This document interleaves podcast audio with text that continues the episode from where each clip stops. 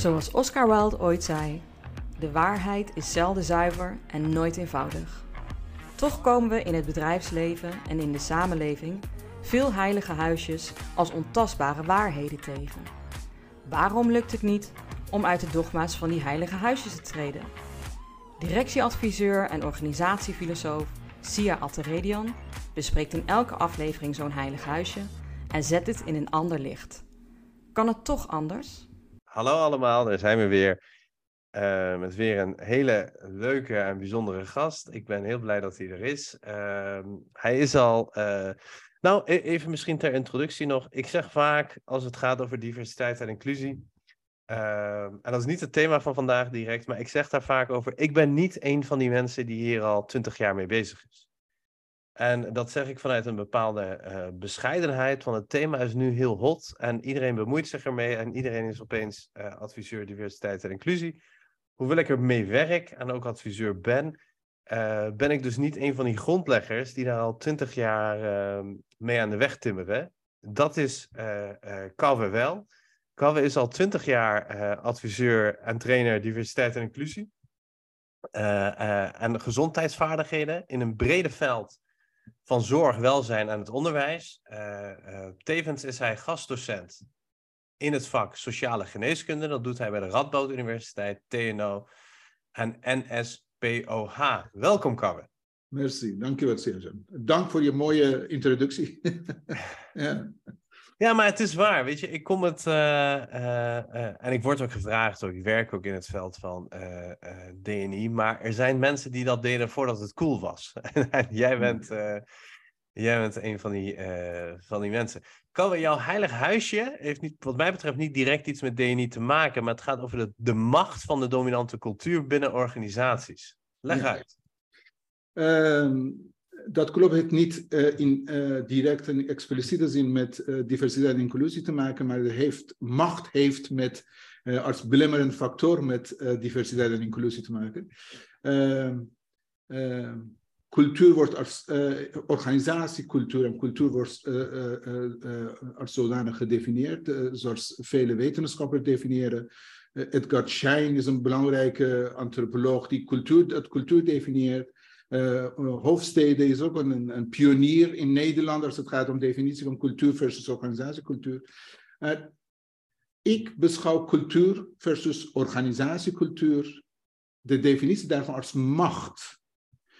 Want ik zei al, voordat we begonnen, heb ik gezegd dat dit gesprek, gesprek tussen jou en ik, sluit er goed aan gesprek tussen jou en veranderkunde ten haven. Ja, ik zijn naam ja, ja. ja. Vond ik prachtig gesprek, uh, fascinerend. En ik ben uh, hartstochtig, hartstochtig eens met hem dat cultuur als zodanig bestaat niet. Uh, hij noemde confirmation bias. Mensen gedragen zich in een groep dat cultuur vormen.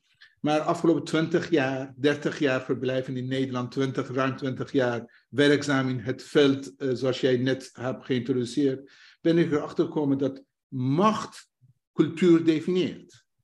Maar om die twee, uh, uh, twee terminologieën, twee onderwerpen uit elkaar halen zonder in semantische discussie vallen, wil ik eerst macht definiëren en vervolgens cultuur definiëren en te kijken of welke overeenkomsten zijn en hoe de dynamiek tussen macht versus cultuur in de organisatie werkt. En de, dynamiek kan ook, ook het proces van veranderkunde belemmeren of bevorderen.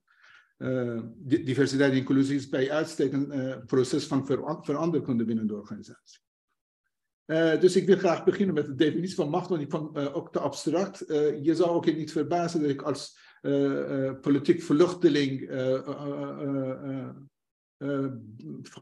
nou, ik wou zeggen dat ik gefascineerd ben met de, de term macht, maar geconfronteerd ben met de term macht en in die zin is macht, denk ik, onlosmakelijk gebonden met migratie versus gedwongen migratie.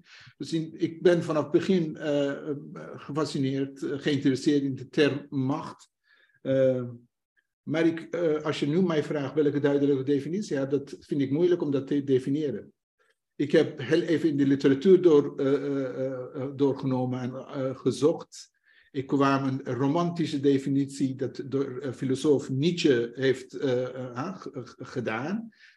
Nietzsche, ik moet dan heel even spreken, anders ben ik bang dat ik ga haar, hem fout citeren.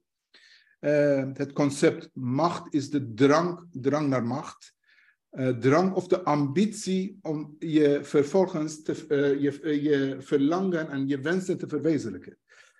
Dat zegt Nietzsche, socioloog Max Weber zegt, ja, het vermogen van personen en groepen die wiel op andere personen of groepen opleggen. Het is wat mij betreft klinische definitie van macht, dekt enigszins de lading.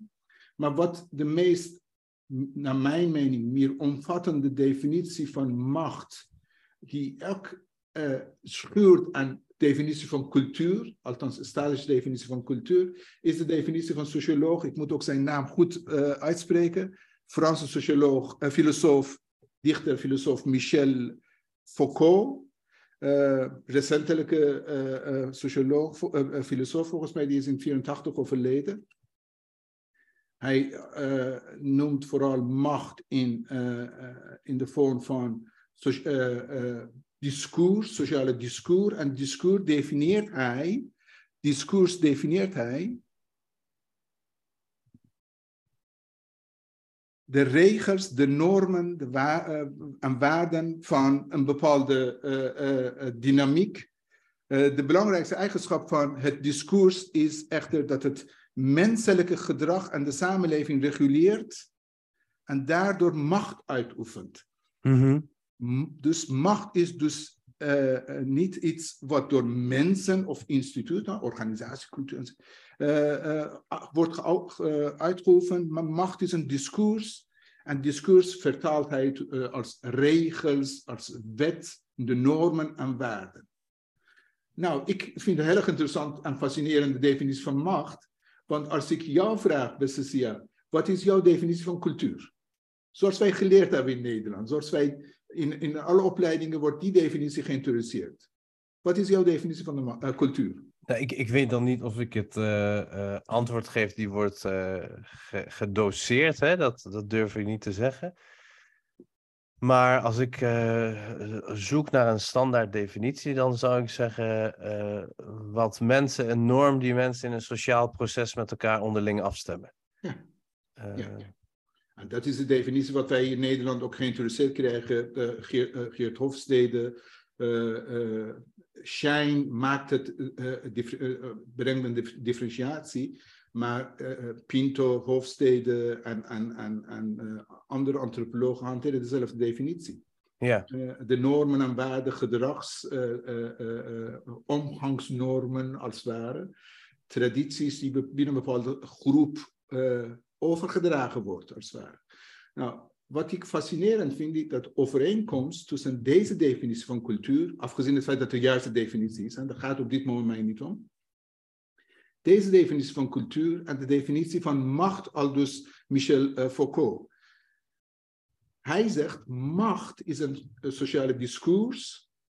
En sociale discours, uh, hij heeft ook veel kritiek gehad destijds in, in Frankrijk. Want uh, mensen hadden een andere definitie van macht, maar dat geldt terzijde. Hij noemt letterlijk het discours omvat de regels, normen en waarden binnen een groep. En de macht van een zogenoemde discours noemt hij zijn juist die uh, gelaagdheid in, in de regels uh, en menselijke gedrag van de samenleving, ehm, in, binnen een bepaalde samenleving. Nou, als ik deze twee definities, dus definitie van macht volgens hem uh, en definitie van cultuur, zoals wij in onze studie antropologie ook eigen hebben gemaakt, voor mij is geen andere conclusie dan, dan macht is de cultuur en cultuur is de macht in Europa. En dat komt voort uit onze Europese, Europese geschiedenis. Dat deze twee onlosmakelijk, wellicht impliciet met elkaar te maken hebben en elkaar beïnvloeden.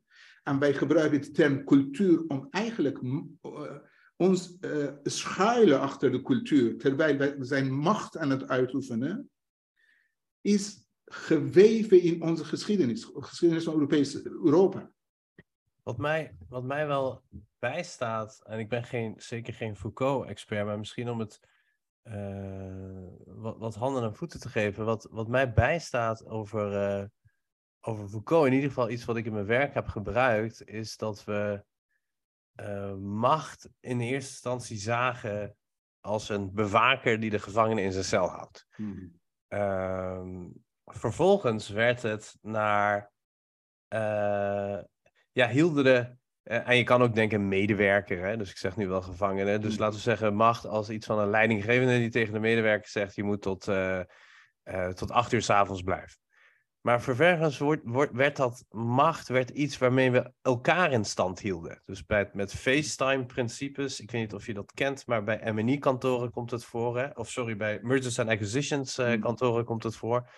M&E-kantoren komt dat voor dan, dan blijven ze tot drie uur s'nachts daar. Vooral de, uh, de jonge medewerkers. Die hebben niks te doen. Er is geen werk. Maar ze houden elkaar daar gevangen. Iedereen blijft elkaar aankijken. Ga jij naar huis? Nee, nog niet. Dan blijf ik ook nog. Ah ja, ja, ja. Maar uiteindelijk zit die, zit die macht ook wel tussen de oren. Dus dat ik mezelf, door dat discours in de samenleving, dat ik mijzelf daar gevangen hou. Want ik kan natuurlijk ieder moment opstaan en naar huis gaan.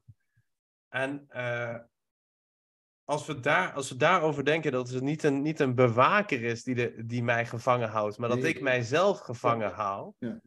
Uh, door alles wat, ja, wat, wat ik van de tijdsgeest en de samenleving en de cultuur meekrijg. Uh, dus ik, ik, ik, ja, wat mij betreft, ik, ik zou ze niet gelijkstellen aan elkaar, maar dat, dat er een enorme machtsconcept zit in de cultuur, in de tijdsgeest. Maar nu introduceer ik eigenlijk per ongeluk weer een nieuwe term. Er is ook iets als de tijdsgeest. Maar goed, het, het is dus mij nu even om het even uh, met, met, met die termen. Uh, ja, er is natuurlijk een enorme druk en een enorme richting en een enorme macht vanuit ja, hoe we in de samenleving dingen met elkaar doen. Ja, onbewust.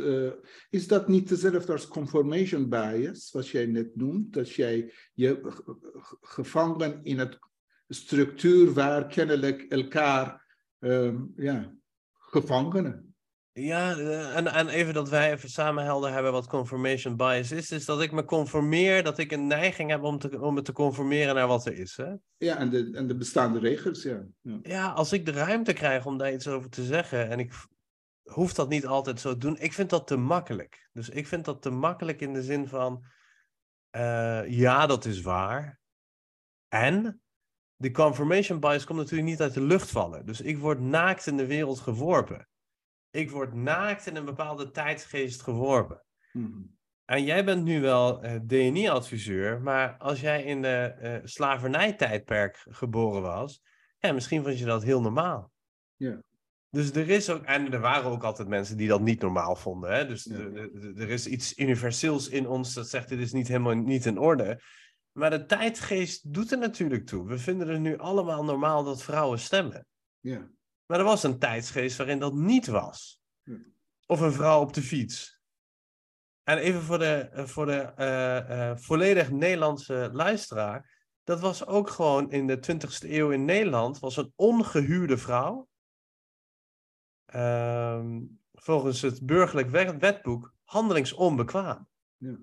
Net als uh, gehandicapten en minderjarigen. Dat is gewoon in Nederland. Die tijdsgeest die verandert. En dat verandert ook met, met wat we dan normaal vinden. En dat daar zit een enorme macht onder en achter. Ja. Is dat confirmation bias? Tot een bepaalde hoogte, maar waar komt het vandaan en hoe is die tot stand gekomen en, en hoe kom je er vanaf? Ja, dan, dan vind ik confirmation bias onvoldoende. Ja, snap ik. Snap ik. Dat dekt niet volledig de lading. Eens met jou. Maar zeg, ja, begrijp ik je goed, uh, Sia, dat je zegt in feite dat je, je uh, kan ook normberekend zijn. Bijvoorbeeld, ha, iedereen, uh, je had die voorbeeld. en je hoeft niet je conformeren aan die bepaalde norm. Je kan normbrekend zijn. Maar wij doen het niet. Nou ja, je kan normbrekend zijn, maar dat is, dan ben je eigenlijk de outlier. Ja. Dus ik ben zelf redelijk normbrekend in mijn werk. Ehm, en misschien ook wel in mijn leven. Maar ik vind dat een te grote opgave om dat op iedereen te beleggen. En daarover zeg ik, die mensen op wie ik het niet beleg, die zijn gewoon een kind van een tijdsgeest. Die doen mee met de huidige cultuur. Snap je. Maar als je, kijk, als je een bepaalde, ehm, als je, wanneer je wil ageren hè, tegen een bepaalde norm en niet jezelf conformeren aan bepaalde gedragsregels, hè, dan kom je onvermijdelijk, uh, dus wanneer je je uitspre uitspre uitspreekt tegen uh, ja, zo doen wij het hier. Ja. En zeg je, nee, maar ik wil het niet uh, doen zoals het hier gedaan wordt. Ja. Dan kom je in een machtsstrijd terecht. Sterker nog, dan ga je vaak dood. Dan ga je vaak dood, ja. Precies. Ja, dus soms is het metaforisch, soms niet. Maar Ja. Socrates, Gandhi, eh eh, de meeste van mensen die eigenlijk hun tijd ver voorbij waren, maar die gingen tegen de sociale opinie of de cultuur of de macht in. Dat is levensgevaarlijk. Ja. En dan is het wel zo dat de mens natuurlijk een sociaal wezentje is. Die wil erbij horen. Ik, ik ben ook best vaak verbaasd dat. eh, alsof de meerderheid het weet.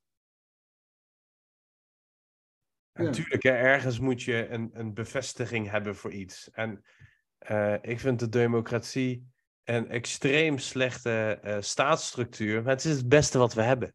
Ja. Ja. Het- Het beste wat we hebben is dat je zegt van het berust op de mensen. En volgens mij zegt Churchill iets vergelijkbaars. Ga maar een uur in de metro met mensen praten en je bedenkt je. Maar het is het best mogelijke wat we hebben. Want ik heb niet een. Ik ken niemand die van een hogere macht de echte waarheid Nee. eh, in zijn oor gefluisterd krijgt. Dus dit is het beste wat we hebben. Ja. Eh, maar ja, het, het brengt ook wel het een en ander met zich mee. En het is niet altijd het goede. Ja. eh, wat de Het voordeel van democra- democra- democratische eh, eh, landen of democratie is dat je eh jegens macht kan je tegenmacht organiseren. Ja. We hebben in, in een beschaafde democratische landen vakbondenbeweging, nou ja, de, de ondernemingsraden, hè, als het gaat om eh, eh, eh, En organisaties. het wisselt. Dus de macht wisselt ook. Dus dat is ook- dat macht wisselt ook, ja, precies. Dat Ja. is de voordeel. En in een aantal Ja. landen, waar ik, land waar ik zelf vandaan kom, is een eh, macht is absoluut in feite aan die bepaalde cultuur. Maar even terug die machtsstrijd. Kijk, zodra ik, eh, dus eh, volgens Foucault, Foucault, eh, kijk, Michel Foucault zegt, kennis en je expertise is je macht. Maar wie bepaalt wat, ken, wat kennis en expertise bepaalt, jouw bepaalt de waarheid van de macht. Maar wie bepaalt dat de waarheid de waarheid is? Degene die macht heeft. En degene die macht heeft zegt, mijn kennis is de juiste kennis. Maar is de vraag of de juiste kennis, de juiste, het kennis, de, de, de, de Of dat wel terecht is, ja. of dat het terecht is. Nee, ik heb Ja. macht. Ik zeg tegen Sia, take it or leave it, wat ik zeg. En omdat ik een bepaalde macht, bij wijze van spreken heb, of in dit geval is het relevanter als ik jou als eh, leider van deze podcast eh, eh, eh, eh, eh, eh, benoem als voorbeeld. Wanneer ik eh, iets zeg wat het niet door de burger gaat, jij hebt de macht om te zeggen, ik ga dit gesprek beëindigen, bij wijze van spreken. Dat is op microniveau. Eh, maar Ja, maar nog meer micro. De, eh, als, als, als we even gaan naar, naar het voorbeeld wat jij gaf. Wat kennis is, wat een goed argument is. Heel subtieler, veel subtieler. Daarom we Foucault het de fiber of power. Hè? Het, zit, het zit in de vezels. De opmerkingen waar ik op inga. De opmerkingen waar ik op knik. De vragen die ik negeer of de vragen die ik niet stel. Dus die, die, die wat volgens, volgens mijn normen en waarden goed is of een goed gesprek is. En dat heeft natuurlijk enorm invloed op, op deze podcast. Ja, exact, exact. Ik kan me herinneren, kijk, en het opleggen inderdaad, ik kan me herinneren toen ik zelf naar Nederland kwam, kijk hoe die mechanismen, wat gelaagdheid in die macht, die mechanismen werken is fascinerend. Je noemde een aantal dingen, dat, eh, zelfs interpretatie, intonatie. en. Eh, ik kwam naar Nederland en ik kreeg een boekje mee, 99 tips voor het omgaan met Nederlanders.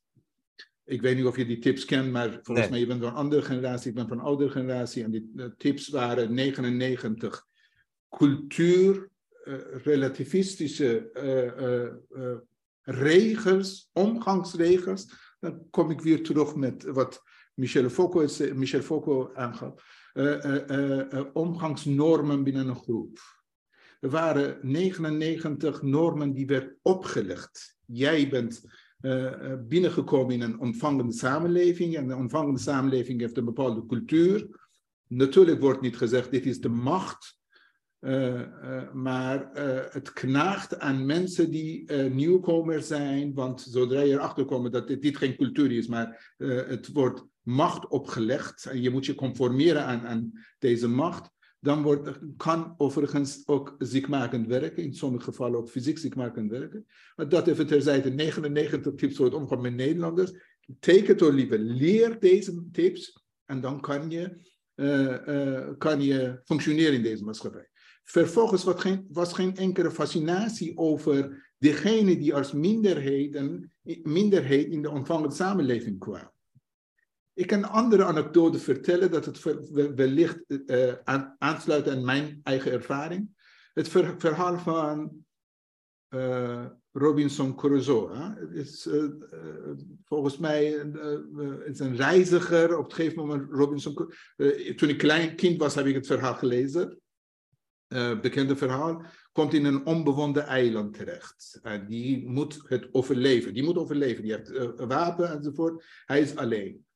En uh, door eenzaamheid gaat eiland ontdekken. Ver, op het gegeven moment, na een tijdje eenzaamheid gaat eiland ontdekken. Op het gegeven moment komt hij een lokale bewoner, inwoner van het eiland tegen. Geheel op, per ongeluk, per ongeluk uh, komt een inwoner eh, van dat eiland tegen. En hij begint met hem in het Engels praten. Uh, hij, die lokale bewoner sprak een onverstaanbare taal. Nou, vervolgens ontstaat binnen deze twee, dus tussen Robinson Crusoe en, en, en die lokale inwoner, een vriendschap. Hij krijgt een naam. En, dus Robinson Crusoe geeft hem naam. En die naam is Vrijdag. Omdat hij hem op vrijdag had gevonden. Robinson Crusoe, ik hoop dat ik zijn naam goed uitspreek, uh, leert hem Engels. Dus hij, uh, uh, die, die, man die, die, vrijdag heet vanaf nu, vrijdag, omdat hij vrijdag gevonden was, kon een beetje Engels spreken. Robinson Crusoe leerde hem de geiten melken, zodat ze konden makkelijker overleven. Nou, zo ging uh, met wellicht goede intentie, dat, dat zit allemaal uh, wellicht ter grond, uh, aan ten grondslag, goede intentie. Maar dat is niet genoeg om macht te reduceren tot wederkerigheid. maar verder was geen enkele fascinatie van Robinson Crusoe naar hem toe. hey, welke talen spreek jij dan? Hoe noem jij bepaalde dingen? Kan ik misschien dingen van jou leren?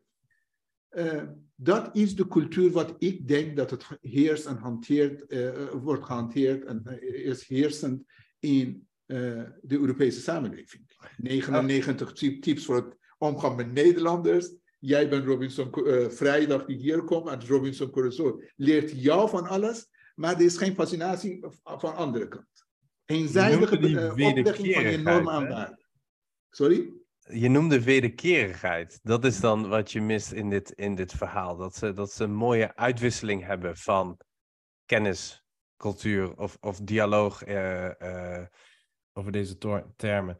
Uh, in organisatie, en dan wil ik een ander punt maken. Ik ga een beetje ook tegenhangen. In, in organisaties ja. heb je dit natuurlijk ook met een nieuwe medewerker die binnenkomt.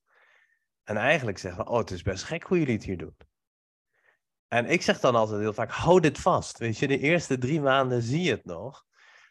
Maar die nieuwe medewerker, en, en na zes maanden zijn ze of weg, of is die conformatie heeft plaatsgevonden. Hè? Dus de eerste drie maanden verbazing, de tweede drie maanden een beetje een gevecht van uh, ga, ga ik nog vechten, eh, maar meestal ga ik weg of, uh, uh, of ga ik me conformeren. dan mis je inderdaad wel de nieuwe inzichten of nieuw, maar de inzichten van mensen die van de buitenwereld komen.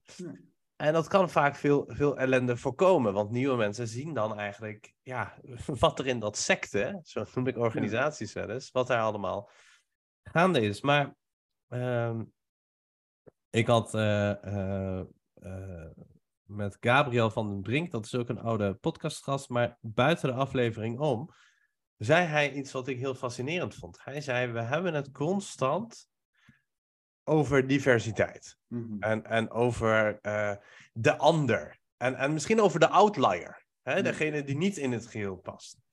Dus die vrijdag, we hebben het daar. Ja. Uh, maar er is ook de norm. En hij zei dat krijgt te weinig aandacht. Dus als we kijken naar eh, de samenleving of die organisatie. Er is natuurlijk ook iets als de norm. Dus je hebt al die andere mensen, dus de maandagen en de dinsdagen en de woensdagen en de donderdagen, die zijn ook in een enorme meerderheid. En die hebben samen ja, toch iets van een norm samengesteld. Ja. En de vraag die je kan stellen is van, ja, is het wel in balans nog om die nieuwkomer in die organisatie, met allemaal mooie inzichten, om die zoveel ruimte te geven? Nee, nee want uh, zodra die wederkerigheid uh, ontbreekt aan, aan gebrek aan fascinatie naar, naar observatie van nieuwkomers, dan leg je dat op.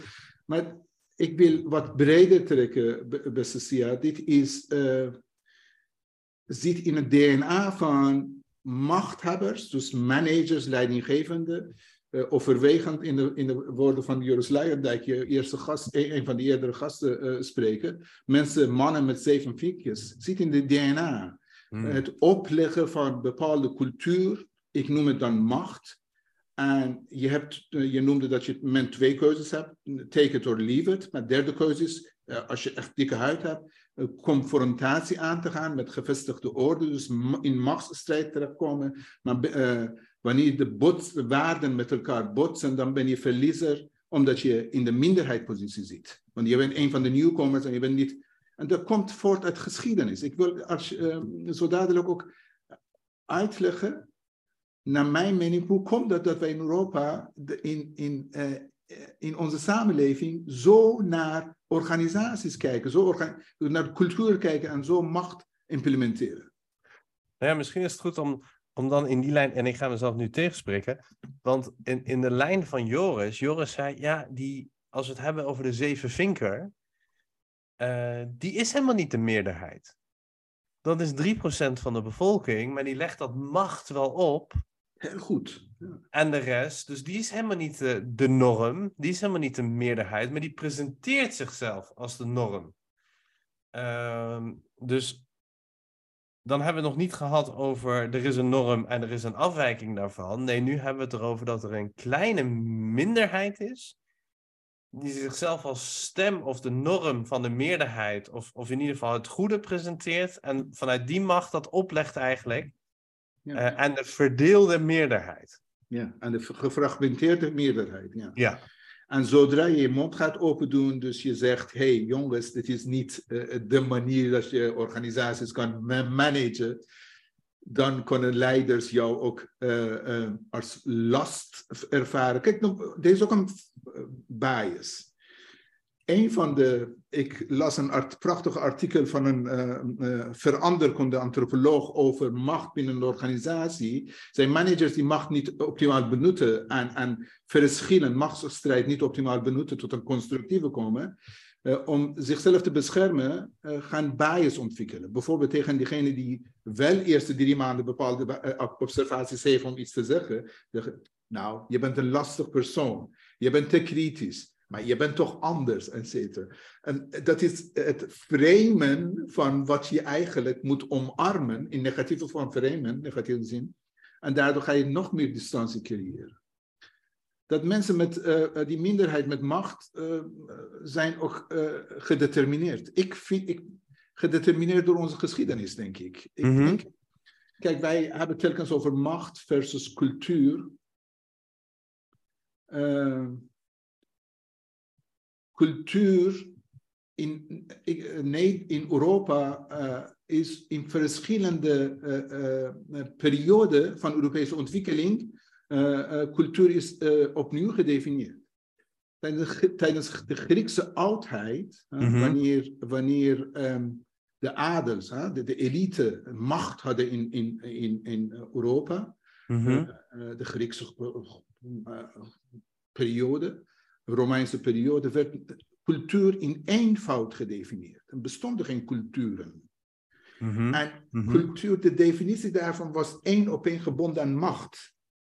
Men werd uh, uh, gezegd, men zei, wanneer je op de hoogte bent, hè, kort door de bocht, gechargeerd, uh, gechargeerd, de elite, de adel zeiden, als je op de hoogte bent van, als je rijk bent, dus geld hebt, en op de hoogte bent van, um, van um, uh, sterkunde, van wiskunde, van wetenschap, natuurkunde, dan heb je macht. Dus geld in relatie tot aantal kennis, wat Michel Foucault neemt, mooi noemt, kennis en zogenaamde waarheid, dan heb je macht.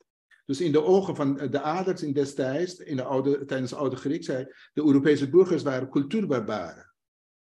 Alle andere volkeren waren cultuurbarbaren. Dat het definiëren van cultuur als zodanig is, heeft een, uh, uh, kent een lange geschiedenis in Europa. Eigenlijk heb je het dan over de Romeinen die bijvoorbeeld de Duitsers barbaren noemden, omdat er een monogeen cultuur was van de Romeinen. Het heet ook romanisering. Romanisering, heel goed. Ja, dus je, Ehm, dus eigenlijk ben je nu op zoek naar, de, naar het beginpunt waarom die cultuur zo dominant is en opgelegd wordt naar, naar de ander. Ja. En waarbij die cultuur ook een fundamentele machtselement in zich heeft. Hè? Van uh, Griekse goden, zodra de Grieken worden uh, veroverd, dan zijn dat opeens Romeinse goden. Hè? Uh, en dan veranderen die namen wat, maar het is ook dat de veroveraar of de winnaar de geschiedenis schrijft en dus de kennis bepaalt, et cetera. Mooi, ja.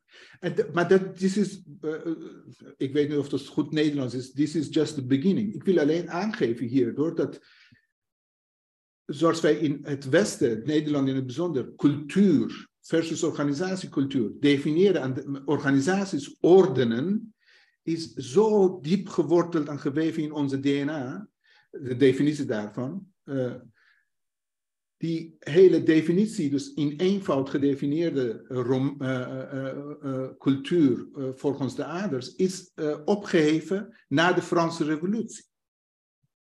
Want na de Franse Revolutie werd, werden Europese burgers, hebben Europese burgers de macht gekregen. er bestond geen adel. De adelheid werd afgeschaft.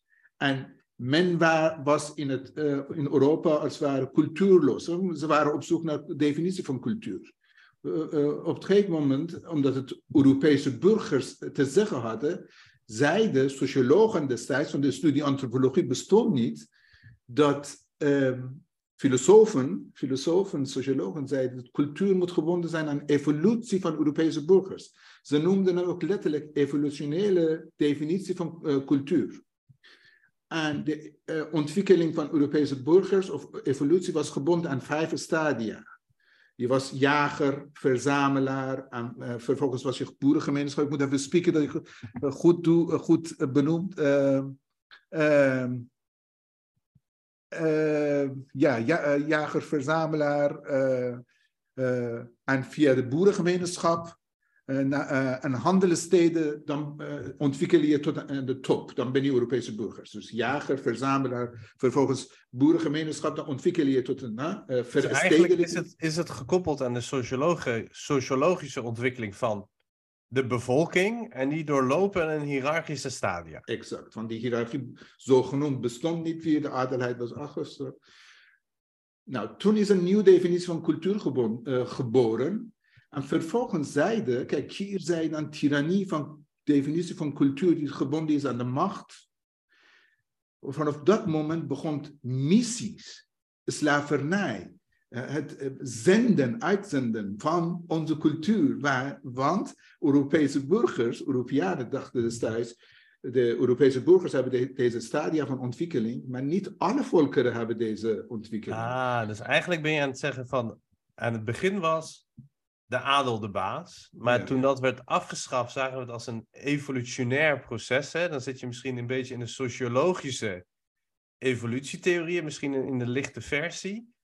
Uh, en dan zeg je, ja, wij zijn dus nu van een uh, jager-verzamelaars naar een boerengemeenschap, en later misschien de industriële revolutie. Ja. En, culturen die nog niet zo ver zijn, die zijn achtergesteld. Dus die moeten wij helpen in hun ontwikkeling. En daar zit weer de element van oplegging en macht op in, in cultuur. Mooi, mooi samengevat. Ik ben, ik ben blij dat jij soms uh, op deze manier samenvat. Want dan check ik, oh ja, dat, dat is wat ik uh, uh, gezegd heb. dat is mooi. dat is de, maar wederom, deze gedachte met een goede intentie is gebaseerd op macht. Wij moeten anderen leren beschaving overbrengen. Aanvankelijk was ook hele zendingdrang, missie, was gebaseerd op een goede intentie. En daarom zei ik straks, alleen goede intentie is niet helend, kan niet uh, constructief zijn. Je kan goede intentie kwaad verrichten. En is het even, want ik ben, ik ben zelf even aan het zoeken.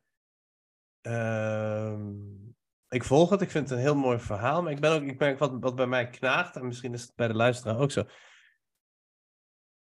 Ja, maar of we doen wat? Dus wat is de tegenhanger hiervan? Hè? Dus dat, dat, dat dit uh, niet op alle vlakken even zo wenselijk is.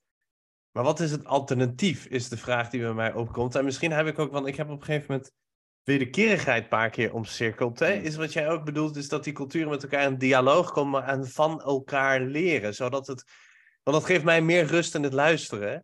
En zou die wederkerigheid dan een oplossing zijn? Ja, dat vind ik ook. Ik vind ook uh, uh, de key. ik heb een, een, een korte artikel geschreven en de titel van het artikel is Ontmoeten, maar ontmoeten, ont versus streep moeten, om inclusief te zijn, is, zit in de wederkerigheid. Hè? Dat is een gezamenlijke uh, vertrek tot een gezamenlijke aankomst. Dat zitten, uh, ja, ontmoeten elkaar. Ontmoeten, ontmoeten is alles behalve moeten. En ontmoeten is alles behalve het opleggen van je uh, cultuur als het ware versus macht ontmoeten of wederkerigheid betekent wanneer, dat is die tegenslag, dat is de, oplossing. Ja? Ik wou daarin komen, maar ik, volgens mij ben te, te snel. Wat is de oplossing, wat is dat alternatief, is uh, uh, wederkerigheid. Dat jij vanuitgaande culturen of machtverschillen kan je omzeilen door een gezamenlijke bestaanbasis. Een gezamenlijke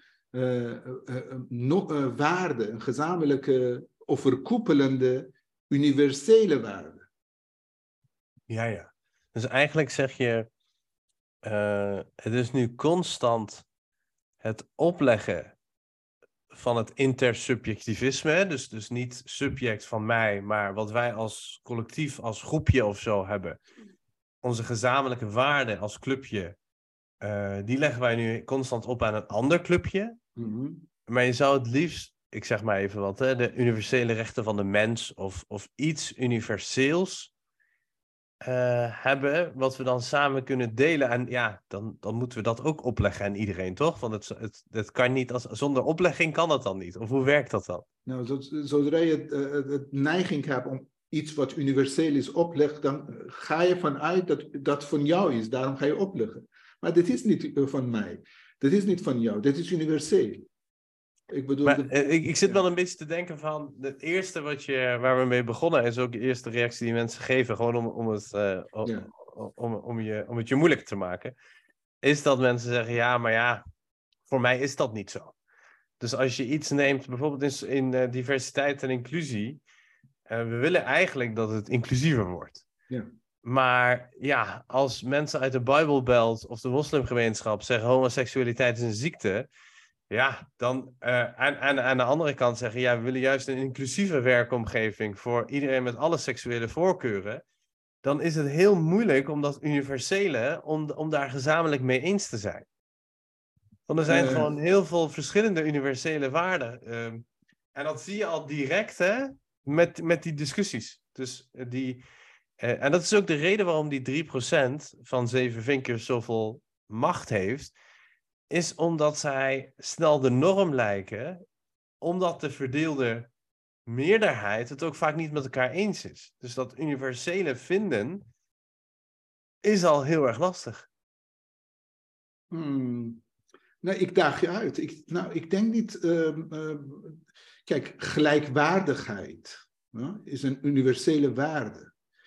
Je kan zeggen, er zijn landen of zijn mensen, je noemde Bijbelbeeld, maar ook dat macht, hè, machthebbers, kunnen zeggen, gelijkwaardigheid is voor mij uh, uh, geen universele waarde, want ik heb een bepaalde macht. Die machtsongelijkheid is voor mij belangrijk.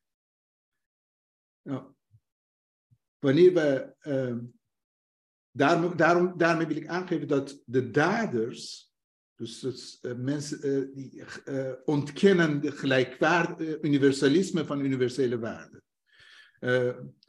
gelijkwaardigheid tussen een man en vrouw in, in, in het land waar ik vandaan kom, dat weet je op dit moment is een protest. Vrouwen komen in opstand voor gelijkwaardige, gelijke rechten. Ja, je hebt het over dus, Iran en de vrouwenbeweging. Om, de vrouwenbeweging de afgelopen ja. vijf maanden, protest die door vrouwen is geleid en uh, gevoerd. Vrouwen komen in opstand voor gelijke rechten. Ja. De machthebbers daar zeggen, die gelijke rechten zijn universeel. Machthebbers zeggen, nee, wij herkennen, wij herkennen die gelijke universele rechten niet. Slachtoffers ageren uh, en hangen aan die universele waarden en de daders, machthebbers zeggen nee, wij erkennen, China is idem. Ook in de binnenorganisatie idem. Zoals ik zei, wanneer je als machthebber, leidinggevende management, geconfronteerd wordt met waarden wat voor iedereen heerst, hè? gelijkwaardigheid. En als dat jou niet bepaalt, dan ageer je op je macht en ontken je, ontkracht je die universele waarden. Respect is voor iedereen universeel ik kan niet zeggen dat het respect uh, uh, voor mensen, gelijkwaardigheid, als in de Bijbelbeeld komt, dezelfde mensen die homoseksualiteit uh, minachten, of andere wanneer die mensen ga je met disrespect behandelen, claimen hun recht op basis van universele rechten, zeggen je moet mij met respect behandelen. Dus dat is een meten we twee maten. De daders, de machthebbers kunnen ook op dezelfde universele waarde iets claimen, terwijl andersom moet het niet zo zijn. Snap, kan je me volgen dat in, in die voorbeeld... Ja, ja dus, dus je neemt een aantal principes zoals gelijkwaardigheid en, en respect en dan zeg je, ja, die, die kun je eigenlijk in alle situaties op iedereen betrekken. En als we dat doen, dan verbetert dat, uh, dat dialoog. Is dat, is ja, dat wat je aan het zeggen Onderliggen van alles. Uh, als, als gezamenlijke, dat is een essentie van diversiteit en dat is de essentie van inclusieve organisatiecultuur. En daarmee vind ik, de, dat is de belangrijkste basisbestand voor veranderkunde. Dat gezamenlijke, generieke, cultuuroverstijgende, overkoepelende waarden. Namelijk inclusie is een, een universele waarde. Gelijkwaardigheid, wederkerigheid, uh, respect. Uh...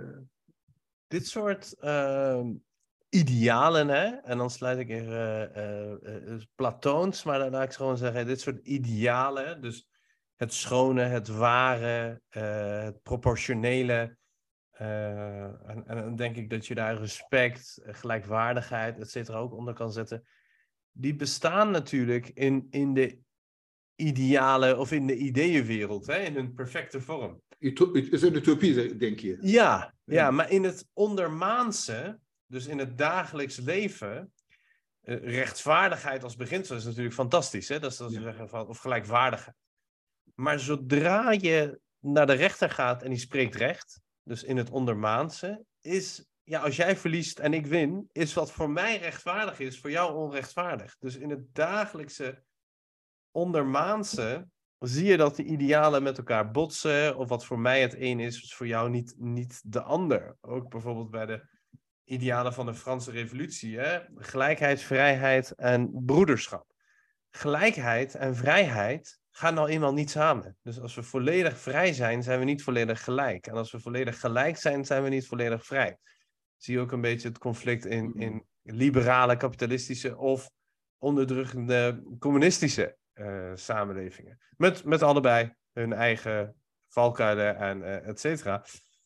Dus het wordt lastiger in het, in, het, in het alledaagse. En ik zit ook een beetje af te vragen, en, en niet, niet per se een vraag voor jou hoor, maar gewoon in, in, mm-hmm. deze, in, in onze discours. Um,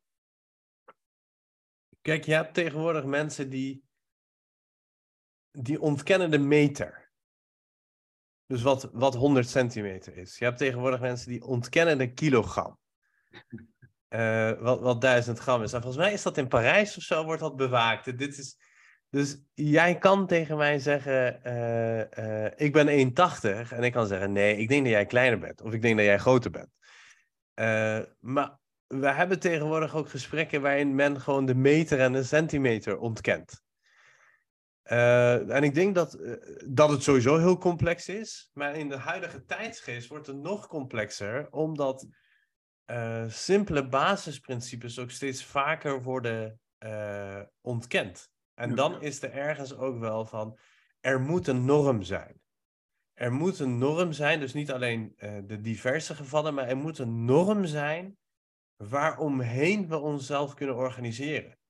En in die norm zit natuurlijk ook altijd iets van een macht. Dat is mm. ook niet, niet te ontkennen. Maar ik vind die norm steeds meer noodzakelijk, omdat het einde dan zoek is. Dus je hebt helemaal gelijk, hè? dus de onderdrukking uh, in Iran, die is natuurlijk onmen ontmenselijkend. Ja.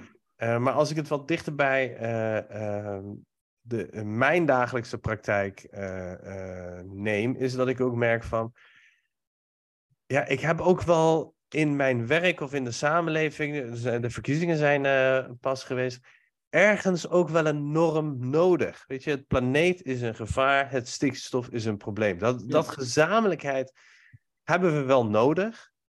En dan kunnen we over de oplossing kunnen we van mening verschillen. Weet je, moet je dit doen, moet je dat doen, uh, welke richting moeten we op? Maar het is nu al zo lastig om die gezamenlijkheid te vinden, om die norm te vinden, omdat men iedere keer zelf normen bedenkt. Eens, eens. Het is niet gemakkelijk, het is complex, daarom zijn verander, uh, verandertrajecten uh, gaan vaak mislukken of moeizaam verlopen, verandertrajecten binnen de organisatie, omdat het juist uh, complex is. Het is niet gemakkelijk. Maar om gezamenlijke norm te hanteren, uh, moet, uh, de norm is anders. De norm kan, kan niet gezamenlijk zijn. Norm is evident niet, per definitie is niet gezamenlijk en generiek. Want? No, norm. En um, ik ga een ander voorbeeld noemen. Ja. Um, um, de, de, overigens, voordat ik een uh, voorbeeld noem, dan wil ik ook uh, terugvallen naar uh, definitie van cultuur volgens Shine. Shine zegt, uh, uh, verdeeld op basis van een ijsberg, huh? cultuur, organisatie, cultuur, op aantal niveaus, zichtbare, wetmatige, blueprint en, en, en, en hij noemt assumpties. En die assumpties zegt hij, en daar ben ik van mening, uh, gedrag van mensen die, die een cultuur beïnvloeden en cultuur bepalen, normen op normatief niveau, is onwijs moeilijk te, uh, uh, onwijs complex. Maar die normen, dus die assumpties, basis, geschreven impliciete aannames, die kunnen tot een, een norm worden van een organisatie beïnvloeden, moet je iets uh, gezamenlijk hebben. En die zijn gezamenlijke waarden. Een ander voorbeeld wat op uit abstractie komt, uitkomt. En dan kunnen we wellicht elkaar beter tegemoet komen. Ehm, eerlijkheid, beste Sia. Vind je eerlijkheid een waarde of een norm?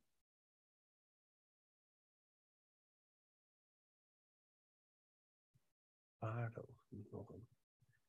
Ja, ik zit, kijk, het zijn, het zijn eigenlijk, we zeggen normen en waarden, maar volgens mij moeten het waarden en normen zijn, ja. omdat uh, normen uit waarden geboren worden, als ik het Heel goed, goed. Ja. ja, dus ik moet kijken, is er iets wat ik hoger vind dan eerlijkheid, of waar, waar eerlijkheid uit geboren wordt? Nee, dat, dat is ehm. hiërarchie van uh, dat, dat in de uh, vast, vaststaande dimensies in waarde. Maar voordat we daarin gaan, dat vind ik heel mooi. Uh, hoe etaleer je die eerlijkheid? Ja? Eerlijkheid, dat zijn waarden en je leert normen, aangeleerd gedrag, omgangsnormen, wat tussen eigenlijk normaal is, om bepaalde waarden te etaleren. Hoe uit je eerlijkheid? Hoe laat je eerlijkheid zien, Sia? Door niet te liegen, denk ik? Ja, exact. Ik heb twee kinderen. Ik zeg tegen mijn kinderen, wees eerlijk, niet liegen. Dus ik breng eerlijkheid als waarde. Breng ik, geef ik een ziel, breng ik tot een norm. En dat zijn eh, namelijk het niet liggen. In, in het handelen bedoel je dan? Hè? Je in het handelen, ja. ja. Dat, is norm. Uh, uh, veiligheid is een waarde. Maar als de stoplicht op rood staat, dan rij je niet door van je veiligheid. En de stoplicht is een norm. Wetmatig, maar we hebben ook deels ongeschreven regels om norm het waarde te etaleren. Ik, ik, ga, ik ga weer met je, uh, met je. Ik was bewust aan het tegenhangen, dus ik ga wat meer met je, met je bewegen. Eigenlijk is waar wij het vandaag uh, over willen hebben, is dat er een bepaalde uh, heilige huisjes zijn in organisaties, hè, die heel veel macht hebben en macht opleggen. Want macht hebben is ergens ook iets opleggen aan iemand anders. Hè? Zo doen wij het hier. Ja, ja. En, en dat daar aannames onder en achter zitten die niet per se helpend zijn of die niet per se universeel zijn. Exact. En het zou jou mooi lijken om die aannames onder de loep te nemen. Uh, en, en ja, eigenlijk als tegenmacht of tegenbeweging te zeggen van ja, die aannames zijn een beetje sociale conventies. Hè? Dat zijn sociale constructen. Constructen, ja. En wij zouden het heel mooi vinden, of jij zou het heel mooi vinden als, als we zeggen van nou laten we een aantal universele waarden nemen. Ja. Uh, zoals, zoals eerlijkheid, rechtvaardigheid. Gelijkwaardigheid. Gelijkwaardigheid. Ja. Uh, nou, überhaupt misschien waardigheid. waardigheid. Het gaat niet eens om gelijkwaardigheid of waardigheid. En laten we vanaf daar bewegen met de invulling ervan. Wederkerigheid, ja, ja, precies. Je hebt een uh, draagvlak nodig. Je hebt die machthebbers nodig om macht te beïnvloeden. Je hebt die machthebbers nodig de, binnen de organisaties, namelijk de uh, bepalende managers, om verandering te brengen. Hele diversiteit en inclusie verloopt stroef, loopt vast. Alle andere veranderen trajecten omdat wij geen draagvlak kunnen creëren. Hoe creëer je draagvlak, draagvlak om ge gezamenlijk vertrekken, om gezamenlijk bestaan te hebben? We moeten iets met elkaar over, ergens met elkaar over eens zijn. De normen zijn het niet zeggend. Maar er zijn de waarden die het bepalend zijn. En op basis daarvan kan je bepaalde verandering inbrengen. Doet mij denken aan een. ik ben even vergeten waar dat vandaan kwam. Maar een soort van onderhandelingsmodel van, van Harvard. En die zegt ook op het gebied van waarden kunnen mensen elkaar vinden. Dit ging over bijvoorbeeld over de vaccinatie van kinderen. Dus niet het hele COVID-discussie maar de vaccinatie van je kind. Hmm. En op het waardevlak wilde iedereen de veiligheid van zijn kind. En op het normenvlak had je verschil, moet je juist wel vaccineren of niet vaccineren. Maar op het waardevlak ging het om uh, de veiligheid van het kind. Ik vind het wel een. Ik, ik, ik, ben het misschien meer met je eens dan ik het laat blijken. Of in ieder geval, met de conclusie die je trekt. Dus de verhalen naartoe moest ik soms ook even goed luisteren. Oh, maar... heb, ik heb ook jouw eerdere podcast heel goed uh, beluisterd. Je bent uh, uitdager en dat vind ik heel erg goed. En, uh, soms advocaat van de duivel, maar dat, dat vind ik juist goed. Om, want dan denk je ook door, ja, wat bedoel ik eigenlijk daarmee? ja, nou ja, ik denk wel dat het... Kijk, het perspectivisme... dat is natuurlijk iets anders dan de, dan de macht van de huidige cultuur. Maar ik vind ook iets kwalijks zitten in perspectivisme, is dat ze zeggen van, oh, dat is ook maar een mening. En daarmee is de discussie klaar. Je, je komt dan niet, je komt niet verder. En dat perspectivisme is ook niet neutraal. In dat perspectivisme zit een beetje de huidige tijdsgeest of de huidige macht van de huidige cultuur een beetje verborgen. En dat is heel erg impliciet. Dat is heel erg wie laat je uitspreken, of wie krijgt de kans, of bij wie knik je, of wie krijgt de beurt. En uh, wat bijvoorbeeld heel impliciet in de Nederlandse organisaties is, als je accent niet goed is, uh, dan ben je impliciet weg. Dan, dan zal nooit iemand uh, direct, of misschien wel, maar in principe is er niet iets wat direct wordt benoemd. Hè, maar als je accent niet goed is, zit dat een beetje in onze bias of in de, in de macht van de huidige cultuur, is dan ben je weg. Terwijl, ja, diegene kan de beste zijn in duizend andere dingen. Exact, exact. Dus er is een, ja, ja. Er is Andere bepaalde... uiterlijk kenmerk uh, hoeft niet alleen praten. Je komt binnen en de mensen zien en dan is het uh, bias al... Uh, al gebeurd. Aangewakkerd, ja. ja. Ja, en fascinatie die ik de laatste tijd heb zijn ongelooflijk aantrekkelijke vrouwen in de IT-sector, in de recruitment of HR. Ja. Dat is een mannensector. Een mannensector waarbij de sociale vaardigheden in zijn algemeenheid niet heel hoog is. Er zit ook veel autisme in die sector. En ik wil niet uh, iedereen over één kam scheren, maar dat dat voorkomt. En daar worden dan enorm aantrekkelijke vrouwen opgezet, die ook nou ja, heel leuk gekleed zijn. Normatief bedoel ik daar niks mee, maar het ziet er goed uit. En dan denk ik, ja, maar wat, wat gebeurt hier precies? Dus dit soort dingen spelen natuurlijk constant. Dus een, een soort van onuitgesproken dynamiek die, die zaken een bepaalde richting op. Absoluut, absoluut. Ja. En er zit natuurlijk heel veel ongemak in het bespreekbaar maken hiervan. Ja. Ga maar in een team van uh, recruiters of HR-mensen die gewoon een. Ik bedoel, deze vijf vrouwen, die zouden nergens anders samenkomen. Statistisch gezien, zo, zeg maar vijf vrouwen met zo'n prachtige uiterlijk, die, die, die komen statistisch gezien niet vaak samen voor in, een, in een organisatie. Misschien wel bij een modellenbureau, maar niet bij een HR of recruitment afdeling. Ja, precies, ja, statistisch komt het niet vaak voor. Dat wordt niet ter sprake gesteld. Dus dat is ook weer iets wat ik denk van ja, dat, dat bespreken we niet. Dat is ook weer, ja, zo gaat dat hier. Zo gaat het hier. En zo zijn er heel veel, bijvoorbeeld, dat mensen die heel veel ruimte nemen om te spreken, uh, dus aan de hand van de Big Five, hè, die, die een soort van uh, extraverte neigingen hebben, die zien we eerder als goede leiders. Terwijl ik denk van ja, maar is dat zo? Ik had misschien liever, uh, en dat, dat, is ook weer van die impliciete machtselement, hè, wat dan voor, voor mannen uh, die de taal spreken en uit deze cultuur komen en geen beperking hebben, weer eerder de neiging is om te doen. Vrouwen uh, zijn misschien reflexiever, maar die kwaliteit beoordelen we niet, want impliciet zeggen we ja, dat is dan een goede leider. Ja. En, en dit, dit is de fiber of power. Hè? Dus, dus dit zit eigenlijk in de vezels dat we dat onbewust uh, meenemen uh, en dat beoordelen. En volgens mij wil jij dat in twijfel trekken, of dat in ieder geval bespreken. Ik, ja, ik wil ook dat uitdagen en ik wil ook het, de muur van zogenoemde cultuur wegnemen. En vandaar ben ik begonnen dat ik haar toch dus eens ben met Ten Haven, dat cultuur als zodanig bestaat niet, macht wel.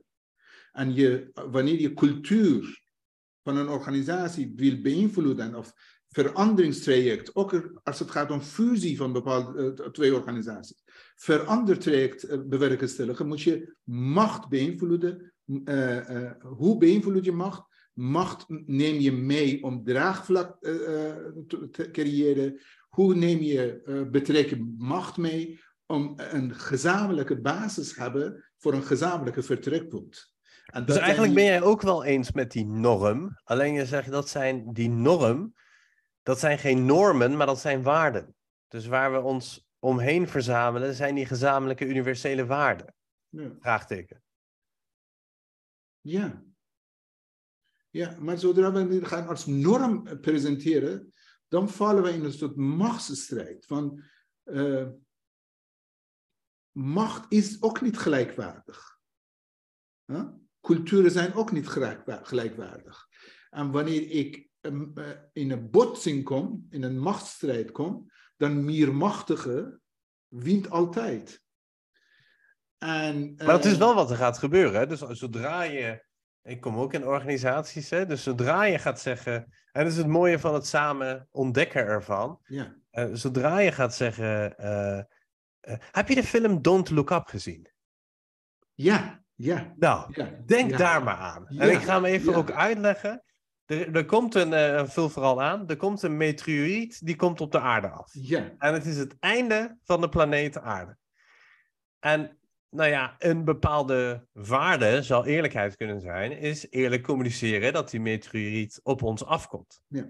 Maar er is een, nou dat wil je dus communiceren. En dan zeg je, dat, even in jouw woorden, dat is geen macht, maar dat is een universele waarde. Maar een andere doelgroep die zegt, nee, kijk maar gewoon niet omhoog.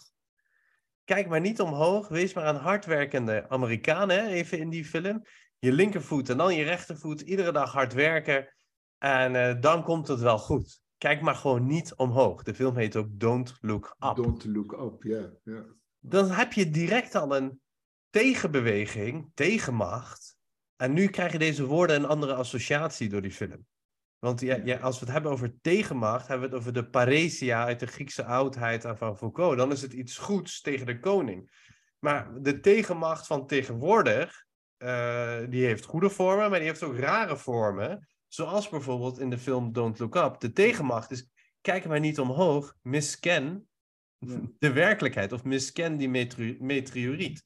Ja, dan heb je al eh, een machtsstrijd. Ja. En die machtsstrijd heb je omdat een deel zich niet aan de waarde eerlijkheid houdt. Exact. Heel mooi. Heel mooi. En dat is, Ja. dat is een beetje de uitdaging met dit soort dingen. Dus als ik ook met eh, eh, praktische filosofen zit, dan het klinkt heel mooi hè, dat we zeggen van eh, eh, iedereen is gelijk. Maar niet, iedereen is niet gelijk. Als ik een blinde darm heb die eruit moet, zeg ik niet, hey Kouwe, Kouwe Boete, wil jij dat even doen? Ja. Ja. Nee, want ik vraag het een chirurg die daarvoor opgeleid is. Ja. En we lijken ook wel een beetje de kluts kwijt in dat je wordt als mens gelijk geboren.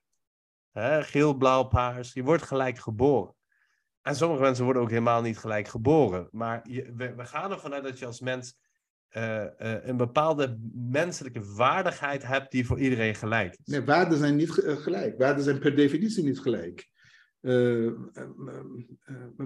In waardeoriëntatie. Dus in, ik ben eens met jou. Kijk, ik ben ge- gesocialiseerd. ten haven zei je moet niet cultuur gebruiken. Aangeleerd gedrag, je opvoeding. Je leert in je opvoeding eh, rechtvaardig zijn. Maar eh, autonoom zijn. Je leert in je eh, zelfstandig zijn. Je leert in je opvoeding door je ouders, als het goed is, zelfredzaam zijn. Maar die volgorde in een, in een waardeoriëntatie is bepalend voor je, hoe je bent. Ja, en ook de invulling. Hè? Dus als je En de invulling. En dat is de norm, denk ik. Nou, dat weet ik niet. Dus als je, je hebt het over. eh, weet, ik, weet ik oprecht niet. Dus even, even een voorbeeld om dit even te checken. Er is een eh, filmfragment die wordt internationaal gebruikt. En ehm, volgens mij is het een familie van bergbeklimmers en die hangen op een gegeven moment aan een rots. Mhm. En je moet één iemand eraf snijden. Dus ze moeten één iemand opofferen. Voor de Amerikaan is het, je offert de oudere op, want die heeft zijn leven al geleefd. Voor de Chinezen is, nee, je offert de, je moet de ouderen, die moet je juist respecteren. Je offert iemand die jong is, die offert zichzelf op, uit respect voor die ouderen. Dus wat de invulling daarvan is, kan natuurlijk ook enorm verschillen. Ja, dan kun je het invulling noemen of, of eh, de waarde zelf. Maar ik kom weer terug bij mijn punt. In de ideale wereld heb je het over een term als rechtvaardigheid. Maar ja, in de praktijk.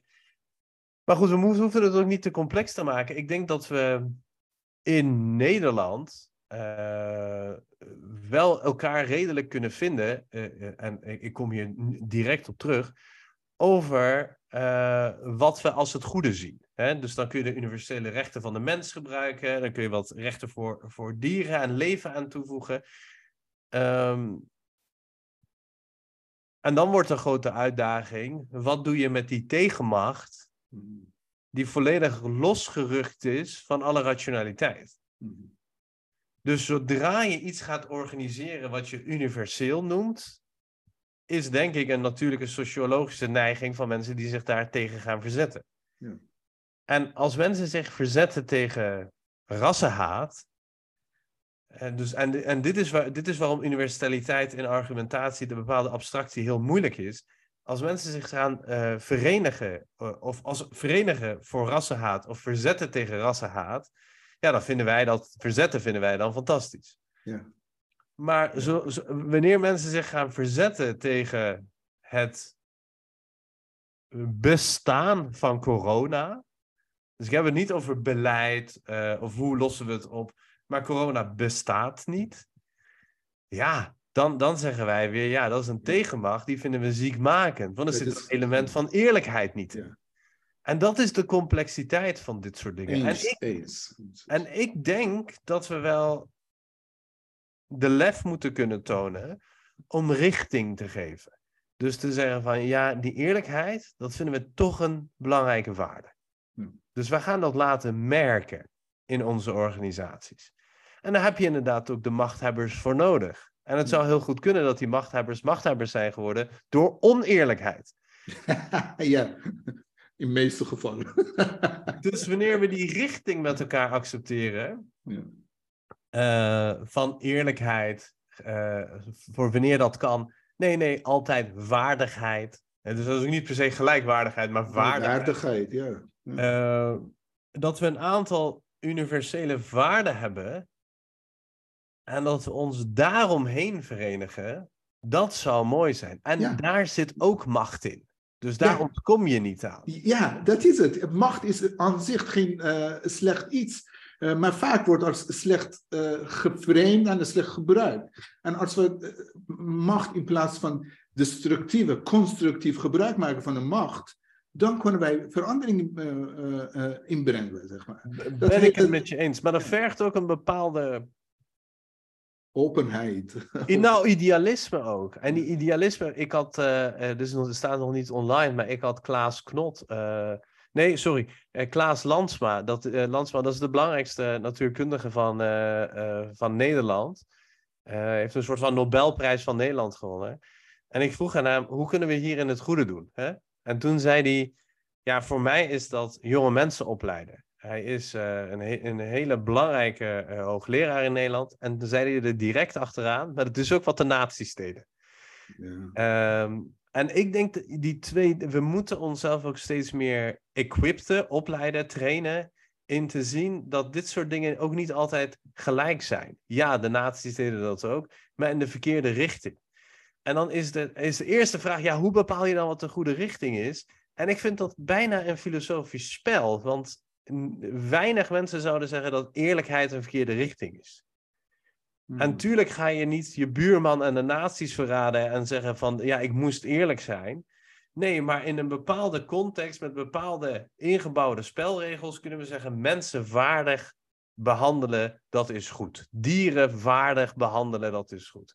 En tuurlijk heb je altijd de uitzondering en kunnen we duizenden filosofische gedachtegangen en experimenten uitvoeren. Maar als je in organisaties zegt van we willen een bepaalde waardigheid voor onze mensen en we willen een bepaalde dialoog, rondom, we gaan het financieel niet halen, dan moeten mensen ontslagen worden. Ja. Weet je, de problemen gaan niet weg, maar hoe je dat doet en hoe je dat gesprek aangaat, dat missen we nu, denk ik. Ja. En ik denk dat we die richting missen. Van Ja, we missen de richting, ja. We missen de richting, want eh, je, je had net over opleidingen. Eh, ik heb tijdens mijn eh, opleiding eh, organisatieantropologie aan de VU waren docenten versus adviseurs van zo Mackenzie, eh, van de Twingstra Goede, wat jij Goede, wat je, net noemde, waren docenten, professoren, docenten van de opleiding, tevens adviseurs. Iedereen was eens mee eens dat wij bijvoorbeeld eh, cultuur moeten heel anders definiëren. Cultuur moet weg. Maar we zijn te lui. Dus we- de- wij gebruiken nog steeds hoofdsteden. We gebruiken nog steeds eh eh shine. Shine de meest genuanceerde. We gebruiken nog steeds dat eh, deter- gedetermineerde statische definitie van cultuur in de opleidingen die eh, macht tentoonstelt.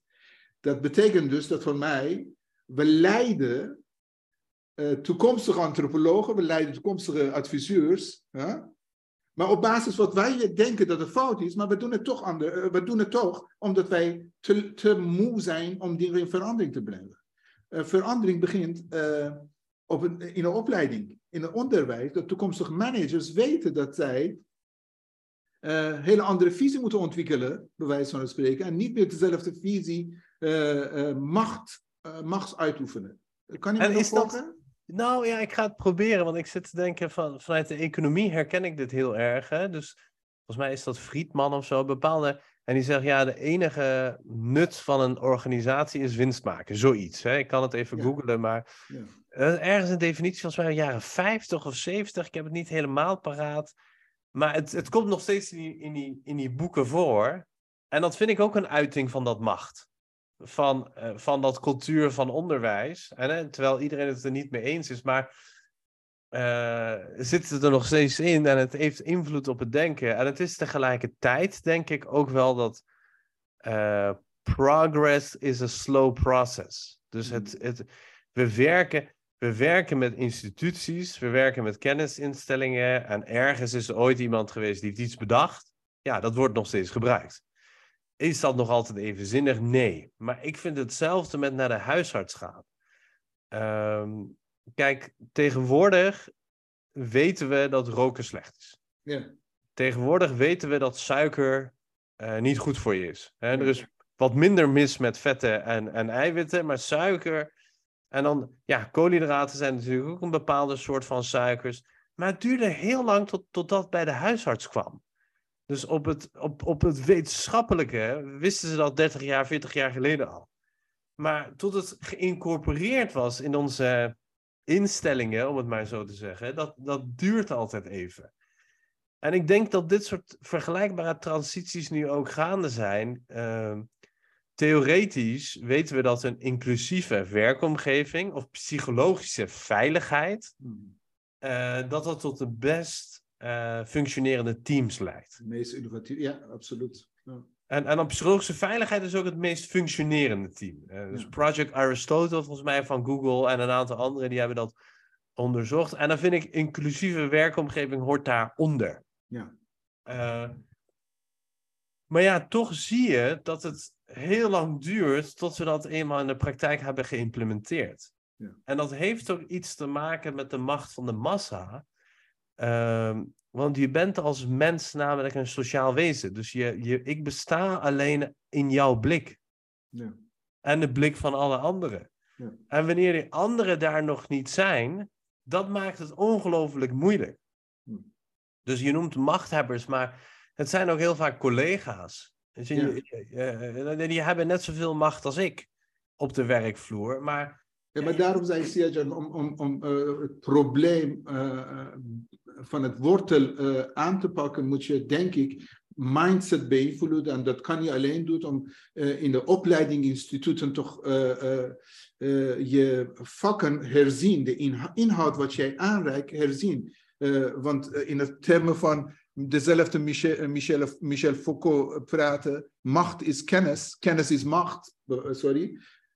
Maar of dat het waar, wanneer je als absolute waarheid die kennis, wanneer de kennis als absolute waarheid geïntroduceerd wordt in de opleiding, dan vormen wij in het opleidingsinstituut een toekomstige, eh, leiders die ge- geprogrammeerd zijn op basis van wat wij, eh, van die kennis die macht eh, introduceert en niet wederkerigheid en niet eh, inclusieve macht. In de eh, laatste opmerking over je terechte betoog, ik ben absoluut eens met jou in de commerciële, eh, economische sectoren. Volgens mij is het veel makkelijker om, om gelijkheid, wederkerigheid aan, aan, aan te realiseren, macht uit te dagen en inclusie te implementeren, want dat is meetbaar.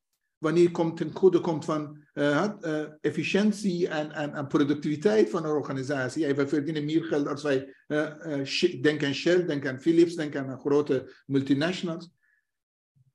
In, dus in die organisatie, profitorganisatie is meetbaar en daardoor is een draagvlak onder macht. Ja, En het, non- moeilijke, het moeilijke daaraan vind ik zo dat ik je onderbreek. Dus alle, bijna alle Anglo-Amerikaanse onderzoeken tonen, dat aan. Hè? Bijvoorbeeld van diversiteit en inclusie en, en innovatie. Maar toch is het niet zo eenduidig in TNO-onderzoek. Dus de Nederlandse onderzoeken die tonen weer aan dat het niet zo eenvoudig is. Ik zou het eigenlijk, want eh, door culturele verschillen hebben mensen ook veel meer ruzie en dan komt die eh, eh, innovatie er niet van. Ik zeg maar wat. Ja, ja, ja. ja. Eh, ik zou het eigenlijk los willen trekken van dat eh, financiële prikkel. Want ja, het ligt ook maar net hoe je het doet. Ik vind het richtinggevende. Wat we verloren zijn.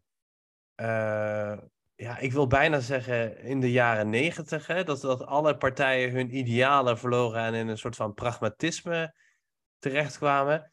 Ik zou toch wel iets van richtinggevend meer eh, willen zijn, maar ook dat ook meer terugzien. En dat richtinggevende, ik weet ook niet wat het absolute goede is. Anders Wat ik. bedoel je daarmee? Met de richting? Nou ja, de richtinggevend vanuit bepaalde waarden. Dat we met elkaar afspreken van ieder mens wordt hier waardig eh, eh, benaderd. En we gaan op een waardige manier het gesprek met elkaar aan.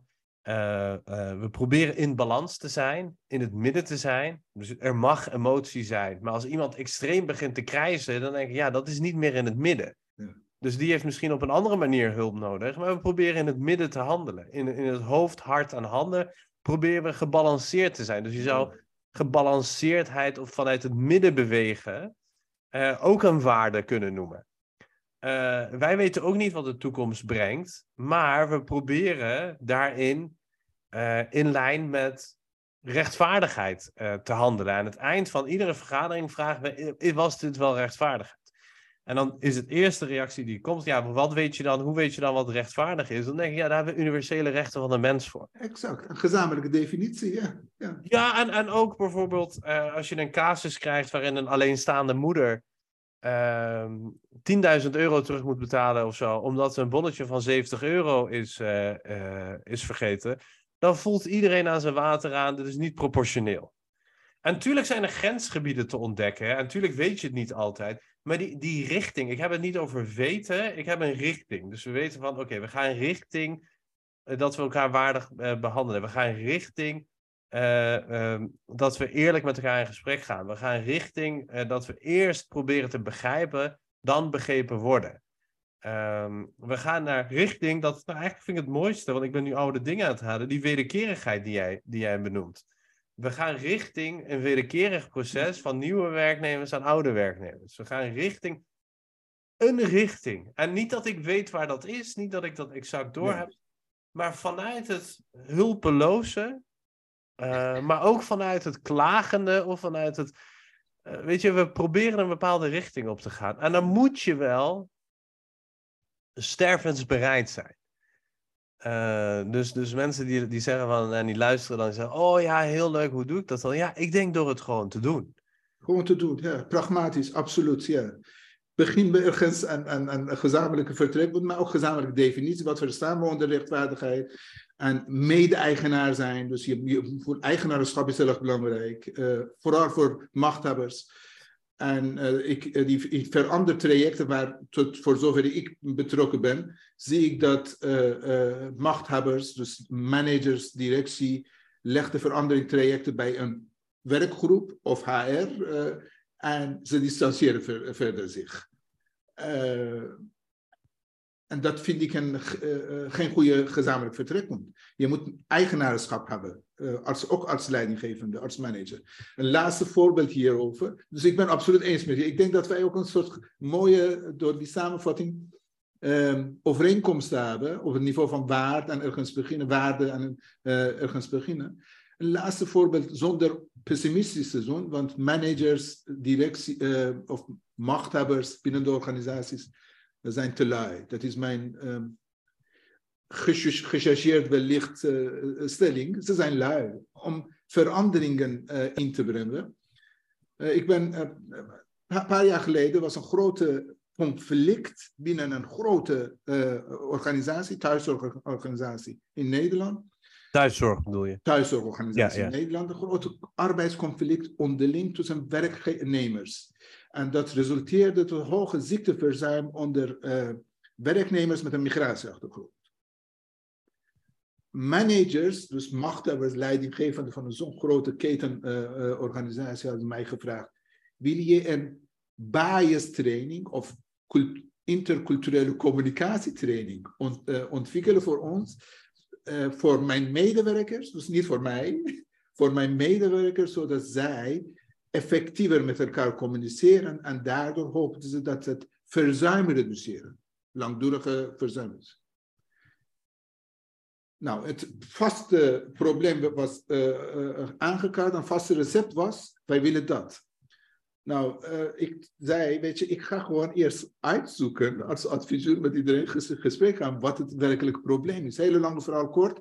Ehm, eh, ik ben erachter gekomen dat mensen dezelfde taken en bevoegdheden hadden. Zowel uh, uh, iedereen had dezelfde taken en bevoegdheden. maar sommigen waren beter in het schrijven van rapporteren. dus overwegend autochtone van origine Nederlandse medewerkers namen dat, die, dat, die taak, het rapporteren op zich. En mensen met migratieachtergrond die exact hetzelfde niveau van werk en functie hadden, moesten ze uh, uh, uitvoeren. En daar, daarin voelden ze zich niet gehoord of voelden ze zich min miskend. Want ze zeiden, we willen ook rapporteren. Waar komt die aanname vandaan dat ik niet kan rapporteren, omdat ik bijvoorbeeld accent heb of uiterlijk kenmerken enzovoort. Andere collega's zeiden, maar we hebben goede intentie, we willen hen helpen, wij rapporteren. Maar zij gingen niet bijvoorbeeld uh, zwaar werk verrichten. Nou, daar ontstond een conflict in feite. Waar, waar geen wederkerigheid in zat. Geen wederkerigheid in zat, ja. En geen dialoog in zat. En dat resulteerde dat, uh, dat mensen die zich min, uh, miskend voelden, uh, ziek thuis waren. En ik zei tegen na dat onderzoek tegen, tegen de managers, negen managers, ik zei, je kan toch niet met communicatietraining dit, dit probleem aan te pakken. Dit probleem is vergrondiger. En jij hebt als manager, als machthebber, heb je verantwoordelijk hier wanneer een, een, manager, uh, nou in dat geval had manager een opdracht gegeven aan HR en, en, en mijn, mijn taak was voldaan, want ik kwam te dichtbij, zei ja, weet je, we willen de training ook niet. dat advies van jou uh, uh, zullen we bestuderen. Het is niks veranderd. nou, ja, hierdoor wil ik aangeven, dat onderstrepen, door deze voorbeeld, ter illustratie wil ik onderstrepen, dat machthebbers zijn nodig, uh, ze moeten zich mede-eigenaar voelen, eigenaar zijn van een bepaald probleem. Een probleem kan je alleen oplossen om wederkerigheid en prachtige uh, waarden als gezamenlijke vertrekpunt om een verandering in, uh, inbrengen in een organisatie. Ik, ik ben het volledig met je eens, behalve. En ik zal eerst zeggen waar ik het volledig mee eens ben. Ik denk dat als we. dat die wederkerigheid gewoon een heel mooi beginsel is. Dus uh, uh, Klaas zei ook, ja, en hij is een hartstikke mooie vent, hè? dat is echt een uh, goud eerlijke natuurkundige. Maar hij zei, ja, dit gaat heel fout en koloniaal klinken, maar natuurkunde is gewoon westerse wetenschap. En ik weet het niet. Ik neem dat van hem aan. Ik heb geen idee. Dus ik hm. zei iets van: had Pythagoras niet, of um, hadden de Chinezen voor Pythagoras die stelling niet al? Toen zei hij ja, maar die zijn daarna verder gegaan met Chinese natuurkunde. Dus de echte fundamentele recente ontwikkeling, denk ik dan, hè, dat hij dat bedoelt, maar dat weet ik niet. Dat dat echt westerse uh, wetenschap is. En uh, dat dat nu ook allemaal wereldwijd wordt dat beoefend. Ik ga, ervan uit, ik ga ervan uit dat het zo is. Ik heb geen idee. Uh, maar tegelijkertijd zie ik wel een andere wederkerigheid, is dat mediteren, wat nu zo breed overal gecorporeerd is, ja, dat komt toch duidelijk wel uit het, uh, uh, uit het oosten. Ja. Of yoga, wat nu yoga. zo geïncorporeerd is in gewoon ieders leven.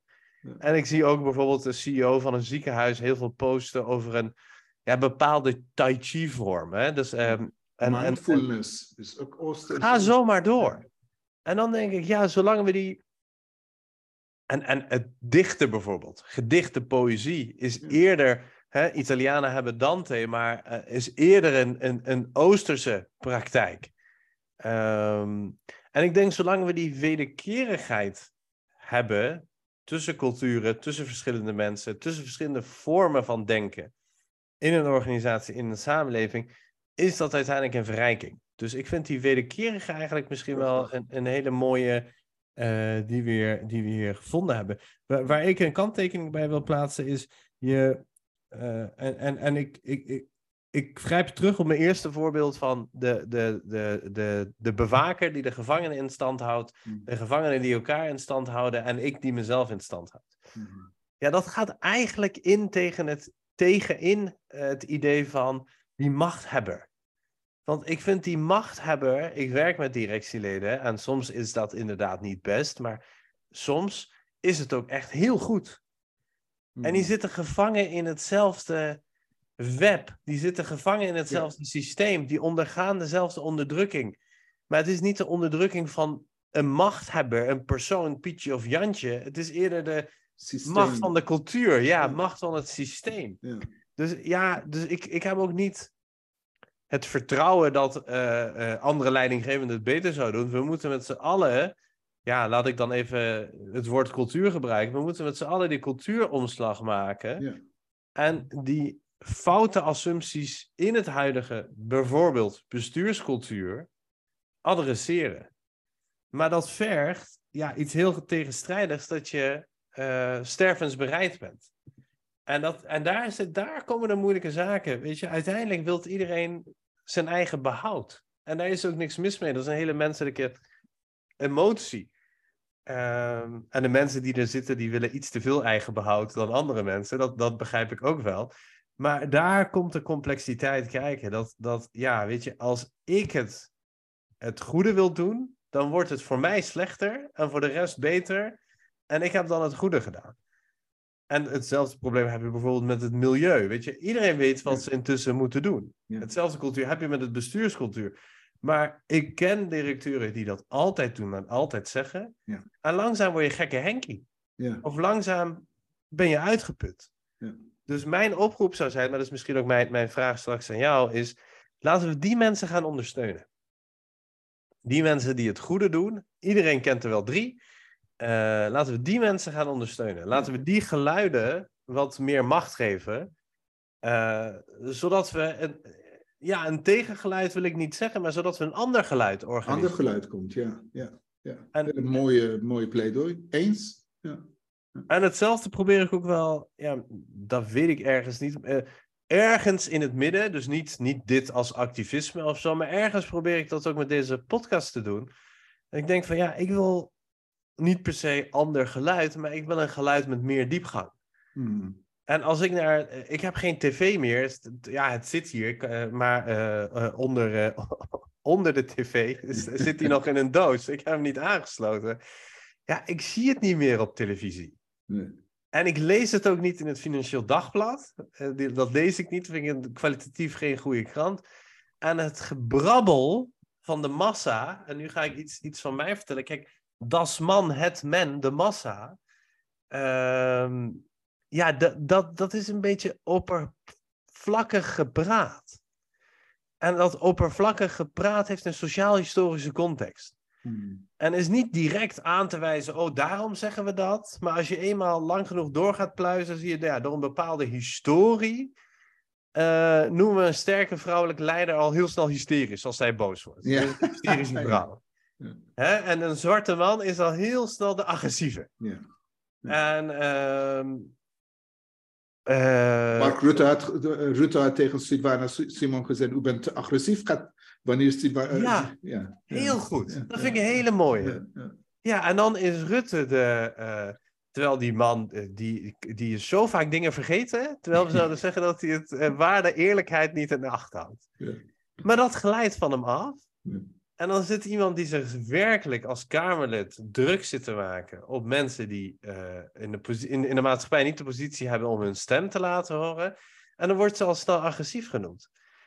Dus die, die massa, de oppervlakkige mening, de Facebook, uh, het gepraat van deze tijdsgeest, om het maar uh, ja, daar, daar wil ik een tegenbeweging op. Een soort van tegenwicht. En... Een diepgaan. Een diepgaan en een, wellicht een alternatief. Oké, we hebben we klagen. En, en, en, uh, maar niet, maar... niet, van, niet van individuen, van iedereen.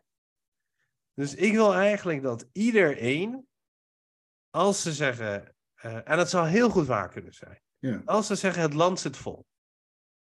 Dan zeg ik, oké, maar hoe zit het met zijn uh, majesteit, prins, bla bla bla, die allemaal huisjes aan het melken is en aan expats verhuurt? Laten we het ook daarover hebben. Als we het hebben over uh, de boeren, dan denk ik, ja, dat is hartstikke goed. En aan beide kanten ben ik dan ook kritisch. En dan denk ik van, ja, maar dit beleid is al jarenlang gevoerd. Ja. Rabobank heeft het allemaal gefinancierd. Ja, gefinancierd, ja. Daar hebben ze tegen gezegd, breid maar lekker uit, wees maar innovatief. Nou, die hebben nu een biljoen euro met z'n allen geïnvesteerd. En dan zeggen we, ja, maar nu moet het bij 2030 klaar zijn. Ja, tuurlijk zijn deze mensen verward. En aan de andere kant denk ik, ja, kan ook niet anders. Of met uh, criminaliteit onder uh, Marokkaanse jongeren. Dan denk ik van, ja, die statistieken zijn er. Dat klopt. Ik zie dat ook. En ik uh, heb me ook wel eens zorgen gemaakt als mijn uh, blond, blonde ex-vriendin ergens liep. Ehm, maar dan denk ik, ja, luister eens. Jullie hebben laag opgeleide mensen hier uitgenodigd. hebben vooral tegen gezegd: doe maar niks, integreer maar niet. Je hoeft de taal ook niet te leren. En taal leren als je analfabeet bent is honderd keer moeilijker, want je hebt nooit regels van grammatica geleerd.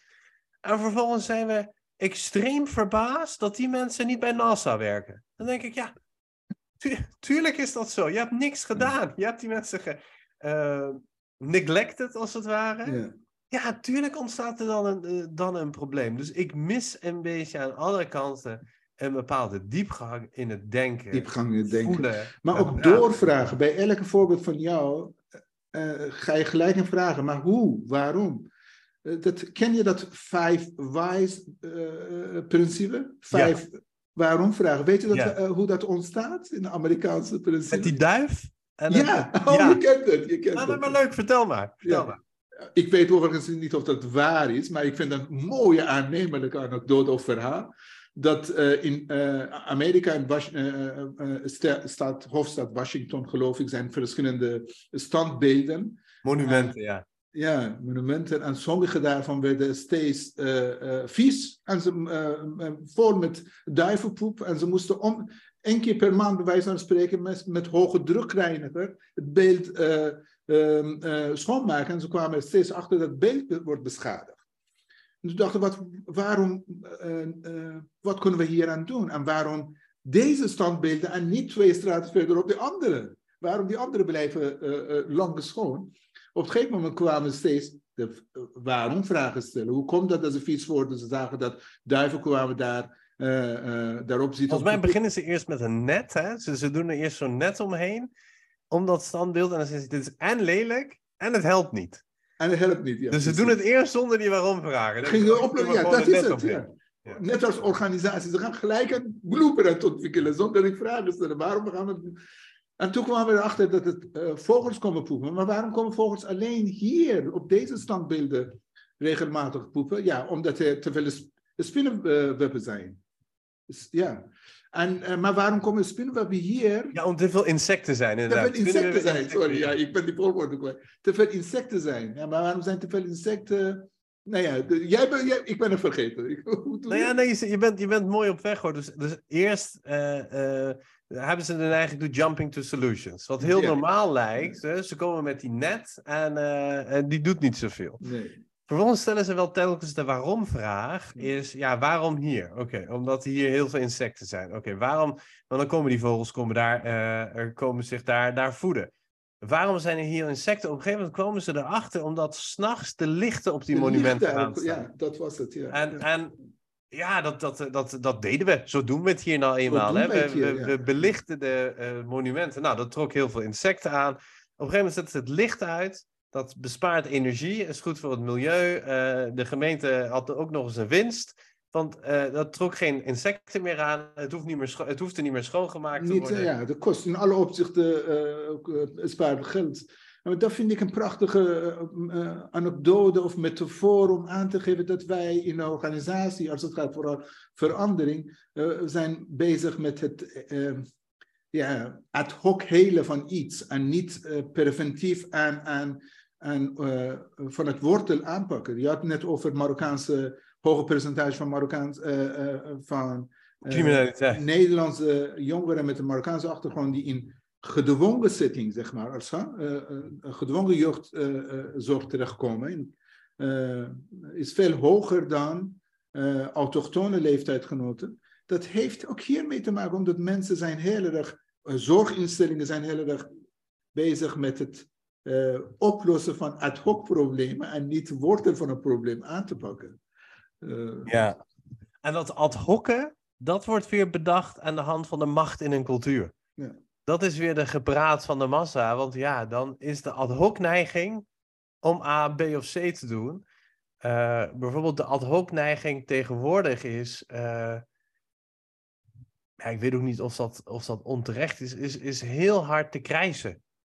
Uh, want ja, dan krijg je, dan word je gehoord. Of je nou boer bent of een andere protestbeweging.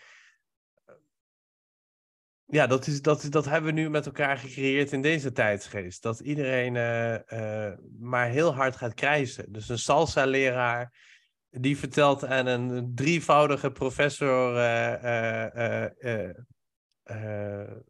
epidemiologie of hoe dat ook heet, uh, hoe corona werkt. En, en dat krijgt ook gewoon aandacht. Ja.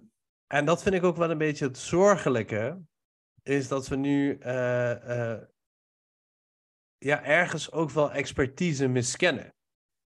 Dat vind ik een beetje de macht van de huidige cultuur, is dat die, we zijn gelijk geboren als mens, maar we zijn niet gelijkwaardig in onze professies.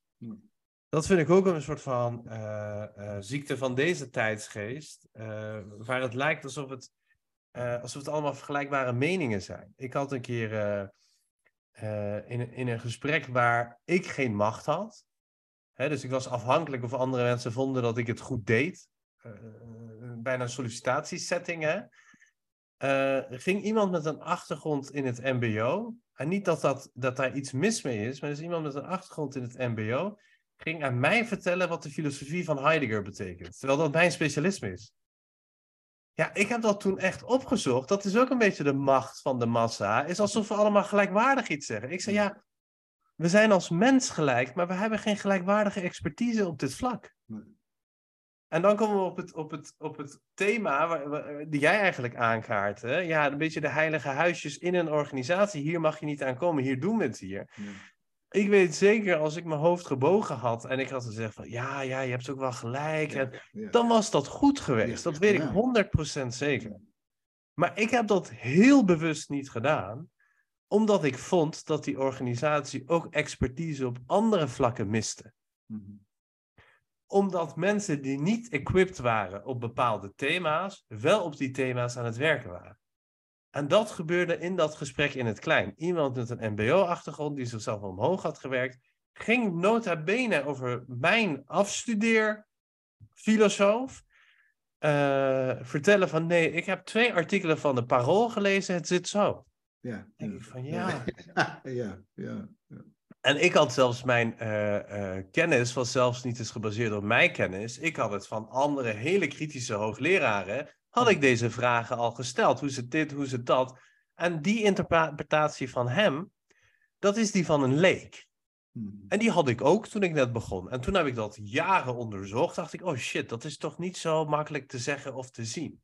Dat is een beetje de populistische gepraat van de massa. Ja, absoluut. absoluut. En, je, en die macht zou ik graag onderuit willen halen. Dat populistische gepraat ja. Uh, zonder enige diepgang. En iedereen heeft een mening overal. En dat is het inherent aan het huidige uh, discours en aan invloed van social media. Ik ben van overtuigd dat jij MBO niet wil kleineren of, of, of kracht van potentie van MBO, maar het gaat om gelijkwaardigheid in kennis, in expertise. Die, die er niet is. Nee, die, die er op dat moment niet is. Dus het had ook een uh, uh, universitaire astroloog mogen zijn. Ja, ja precies die ook niet uh, die, dat, dat specifieke kennis, kennis heeft. Dus ik... daarom vind ik fijn, dat, fijn mooi dat juist een witte man als Joris Luijendijk, autochtone witte man, zegt: uh, Je bent op een bepaalde positie omdat je vinkers hebt en niet omdat je die kennis en expertise hebt. Ja, wat Joris heel fijn doet, en ik vind dat hij daar echt veel te weinig credit voor krijgt. Getuige van lef. Ik, ik hou van deze man. Nee, hij geeft mij podium. Ja. En dat moet je niet vergeten, want hij heeft in de huidige cultuur heeft hij meer macht dan ik. Ja, absoluut. Dat, dat weet hij. Hij is ook erg bewust in zijn eigen macht. die erkenning die hij dan aan mij... Kijk, ik ben niet opeens in die podcast slimmer, dommer, beter of slechter geworden. Ik was een beetje wat ik het afgelopen jaar was. Maar door die erkenning die hij geeft om op de podcast te komen, geeft hij met zijn macht een bepaalde ruimte aan mij. En het zit ook, weet je, dat macht is er, dat discours is er, die normen zijn er. Maar die kunnen we ook gebruiken om, om het proces wederkerig te houden. Absoluut. Ruimte te maken. En de, ruimte te maken. Uh, Halle zegt altijd. durven als uh, gevestigde orde een stap opzij stap, stappen en ruimte creëren voor andere geluiden ik merk ook binnen vele organisaties dat gefragmenteerd zijn. En die weet je, organisaties zijn net als een dorp. Uh, ik kom zelf uit een platteland. Een dorp heeft een ordus en een structuur. Je hebt een hoofdstam en je hebt vrouwelijke. Uh, ik kom uit Noord-Iran, daar heb je vrouwen die eigen taken en bevoegdheden hebben.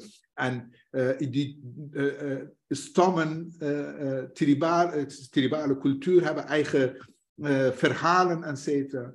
En zodra iemand van buiten komt en iets daarover gaat vinden, dan krijgt hij geen ruimte in die verandertraject, zeggen wij, in die dorp als organisatie, moet je juist om minder geluiden, minderheden, die uit buiten komen. En dat is wat jij ook als voorbeeld had gegeven. Nieuwkomers die de eerste drie maanden kunnen veel dingen waarnemen. Ruimte geven, expliciet ruimte geven. Gelijkwaardig iemand creëren, wederkerigheid. Gelijkwaardig creëren om hem of haar te laten vertellen. Wat zie je aan deze, deze uh, dorp? Deze tribale gefragmenteerde dorp. Ja, en wanneer je dat niet doet, ben je eigenlijk bang voor het antwoord. Ja. Ja. Dus, eh, ja. Ga maar volgende keer bij jezelf toetsen. Als je snel een antwoord gaat geven over de vraag die je zelf gesteld hebt, dan merk ik, ja, gewoon in, in mezelf. Ik, heb niet, ik, oh, ik ben eigenlijk bang dat diegene nu zus of zo zegt. Ja, ja. Ja. En soms is dat terecht en soms niet. En uh, en een ander zinnetje, want ik ben daar ook heel slecht in. Hè? Ik, ben een, eh, ik vind mezelf een slechte uh, luisteraar. Is uh, wat ik weet, weet ik al. Ja. ja. dan denk ik, ja, dat ik kan er dan nog een keer gaan vertellen. Maar ik, dat, dat wist ik al. Ja. Dus ik heb ook lang gewacht met dat verhaal over de massa en het men. omdat ik dacht, ja, dit weet ik al.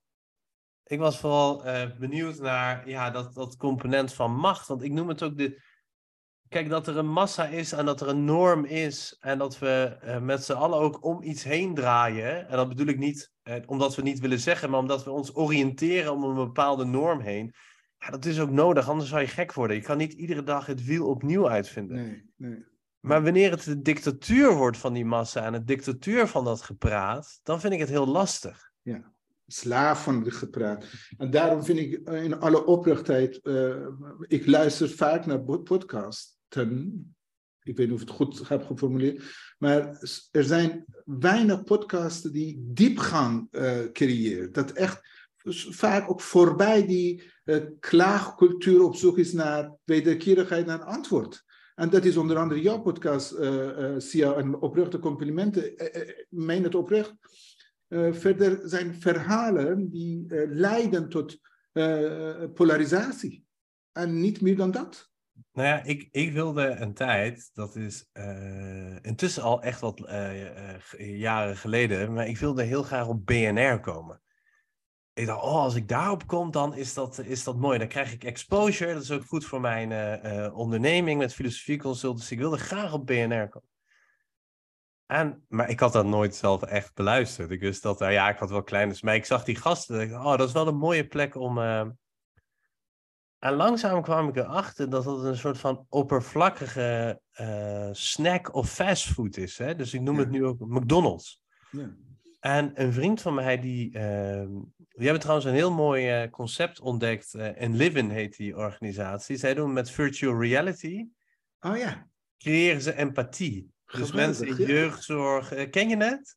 Ik, ik heb het gehoord, ja. Ik heb zelf niet meegemaakt en ervaren. Ja, ja je, zet het, je zet het zo op en je bent opeens een kind in een, in een vechtscheiding. Ja, ja, en je, je kijkt ook rond en je ziet, en je bent, je bent klein en je ziet die grote mensen vechten. Dus ik hoor van professionals ook wel dat, die, uh, uh, dat het, dat het heel, heel goed werkt. Maar even dat terzijde ik, uh, ik hoor dus van, uh, van die vriend, van er is iemand met, uh, op BNR, luister maar even dit stuk. Ja, ik, ik zei ook, ja, ik vind, ik vind het toch een te oppervlakkige radioprogramma. Maar volgens mij kreeg ik de link toegestuurd via WhatsApp, dan klik je daarop. Ik weet mijn god niet waar het over ging, maar ik weet exact wat er gezegd werd. Er was een, ik denk een jonge vrouw, die zei, zij zei van... Ja, wij uh, gebruiken heel veel. Uh, zo klinken die stemmen dan. Wij gebruiken, wij, gebruiken veel de methode. Uh, so Socratische vragen. Ja, ik weet niet wie die vent is. Ah, ja, dat is vast een oude vent. Maar hij stelde vast goede vragen. En dan denk ik: Mijn god. Je hebt, je, je hebt blijkbaar, ik weet werkelijk niet waar dat over ging, maar ja, blijkbaar gebruiken de Socratische methode. Gesprektechnieken, ja, methode. Ja. Op zijn minst zeg niet op de radio, ik weet niet wie die hele oude vent is, maar hij stelde vast oude Maar hij doet goede dingen, hij heeft goede dingen gedaan. En dan denk ik, ja, maar dit is ook wat we voeden. Ja. Uh, dus als jij het hebt over, over macht in de bestaande cultuur, dan is dat, ik ben het begin een beetje bewust tegen gaan hangen, maar ik vind dat ook, wie vraag je voor BNR? Wie vraag je voor die, voor die talkshows? Wat voor ruimte geef je mensen? Ja. Ja. Welke gesprek mag je voeren?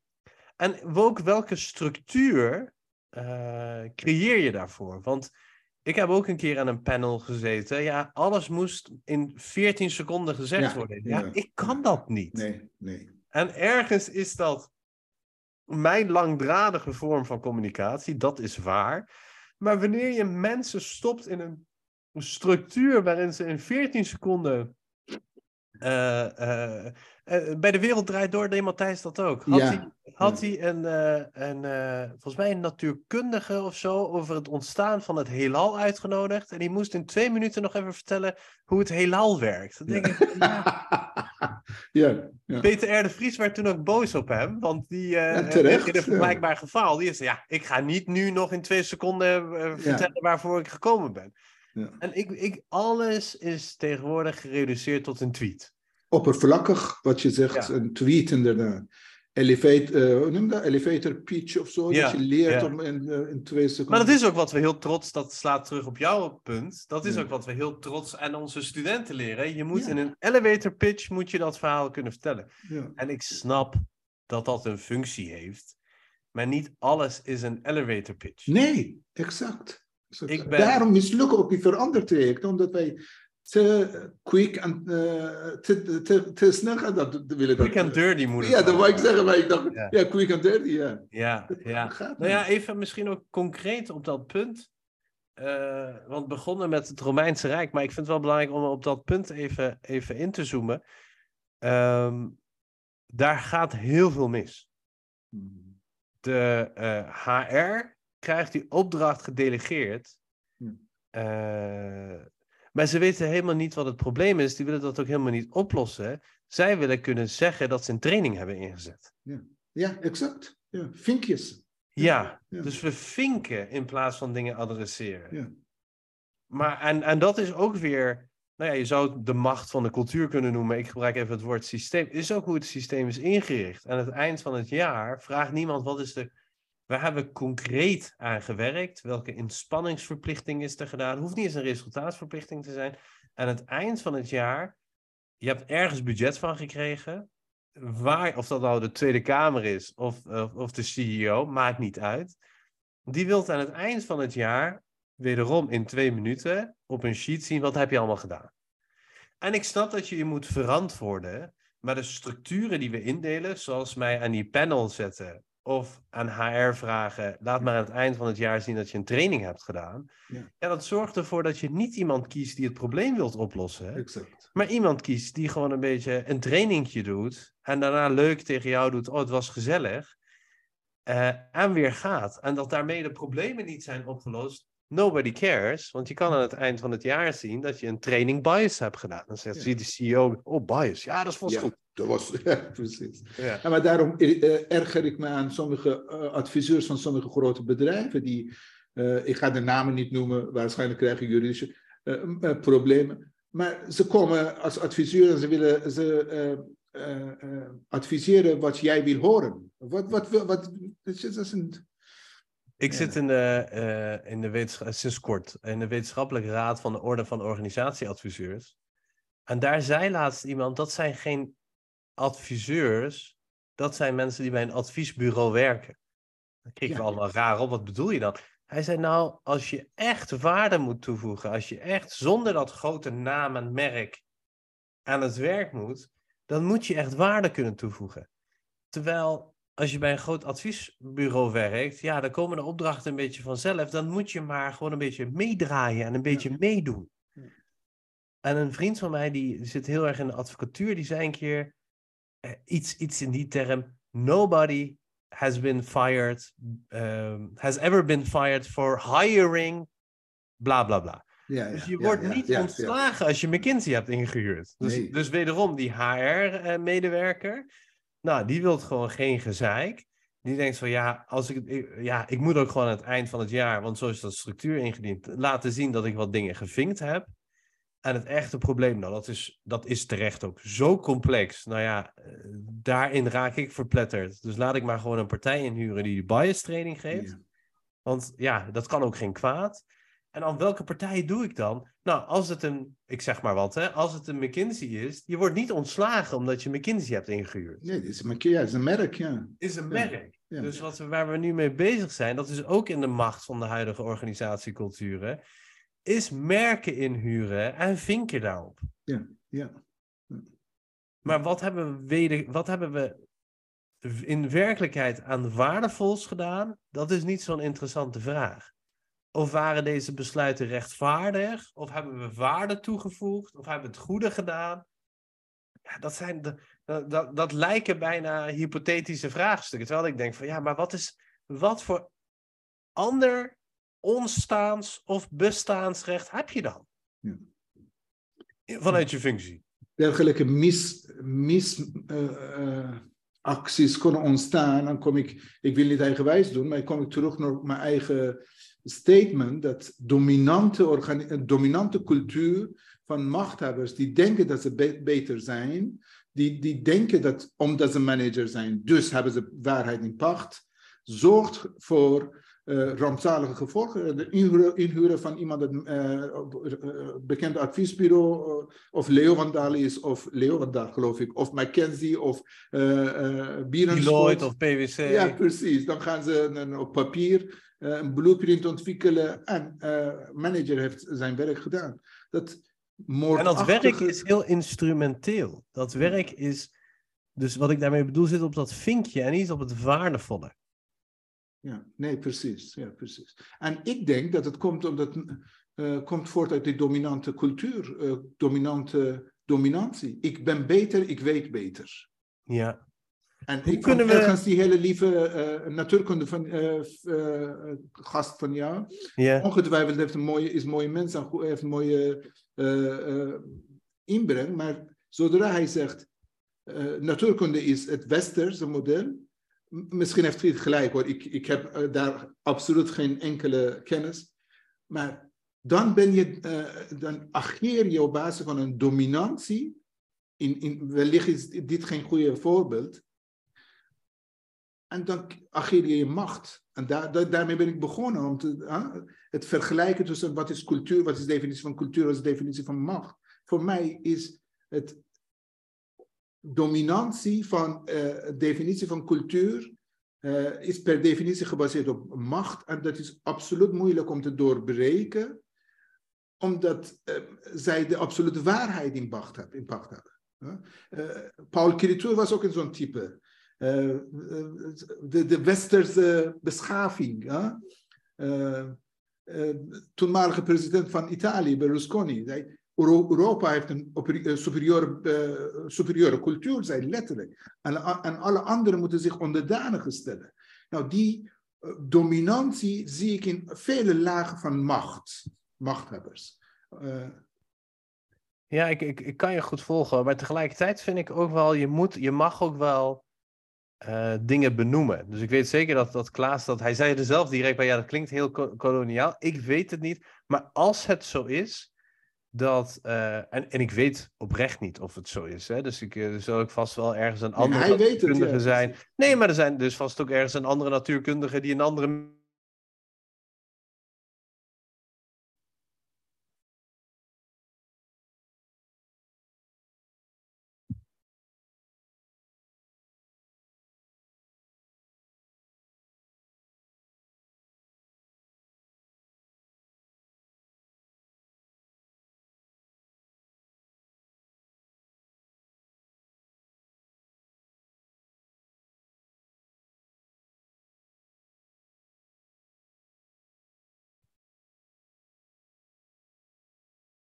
ik weet niet zeker of mijn internet is of die van jou, maar je loopt vast.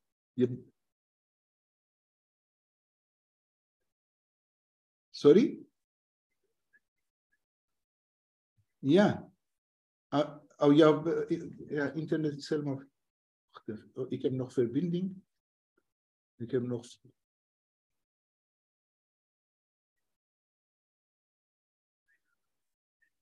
Hij is verdwenen. Oh ja, je bent gewoon volledig weg. Ja.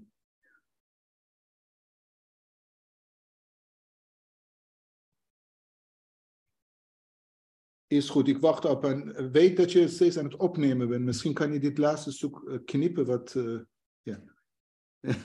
Oké, ik wacht geduldig af. Oké, okay, tot ziens.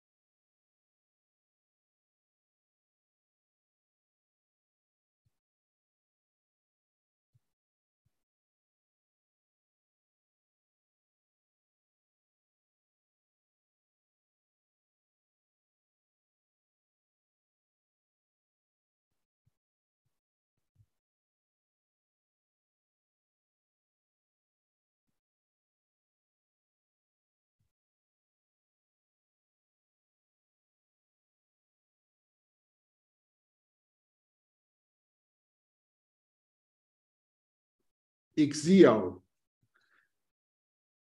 Volgens, mij, uh, volgens mij pakt hij hem weer verderop, maar dat weten we pas uh, helemaal aan het eind.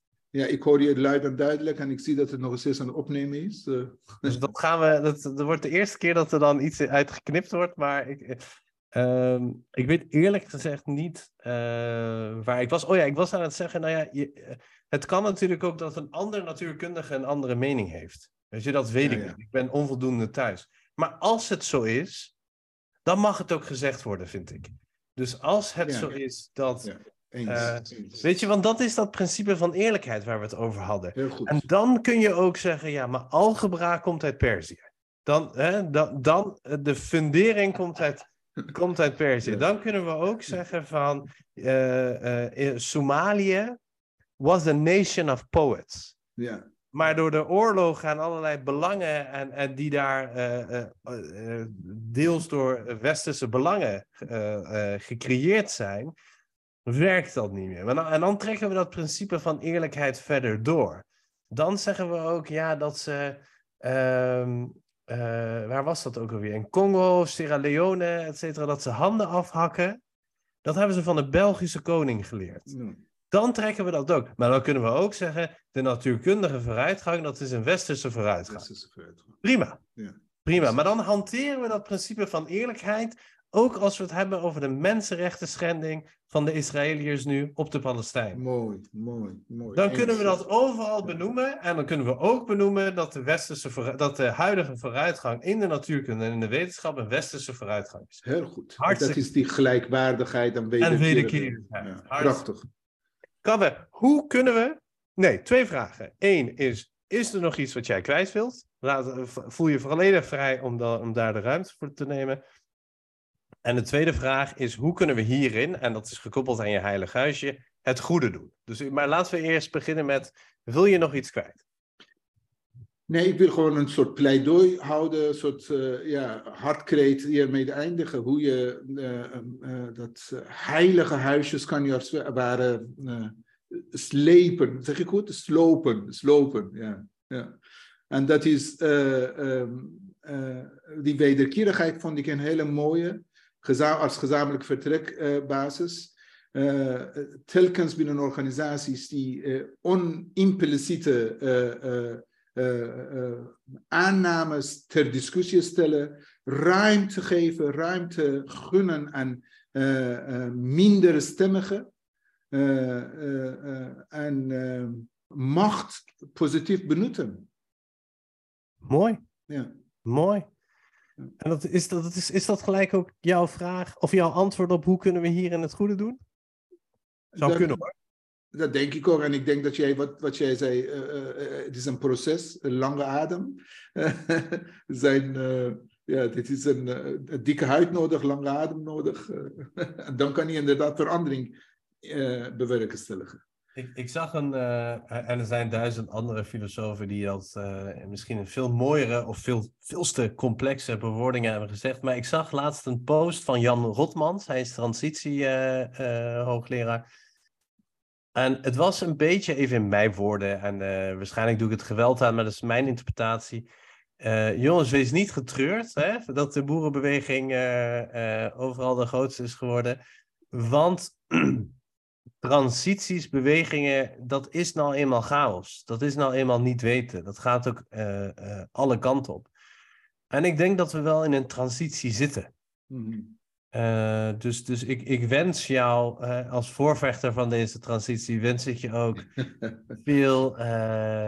Wijsheid toe vooral en geduld. Nee, nee, nee. Rust. Rust. Rust, ja. Ja, weet je, de, de, de tijd tikt verder of wij het nou willen of niet. En dit soort dingen kosten nou eenmaal tijd. Absoluut. Dus Absoluut. we zitten in een, een soort van, uh, niet om minder te doen of niet te doen, maar een soort van, uh, ja, de boeddhisten noemen het equanimous mind, een soort van geest in het midden. Uh, en dat is niet in het doen, maar dat is in het zijn en in je hart, dat je denkt Prachtig. van, we komen er wel, ja. maar ja, het is een transitieperiode. En ja, daarin is niet altijd iedereen even ver. Fair enough. Prachtig. Prachtige ja.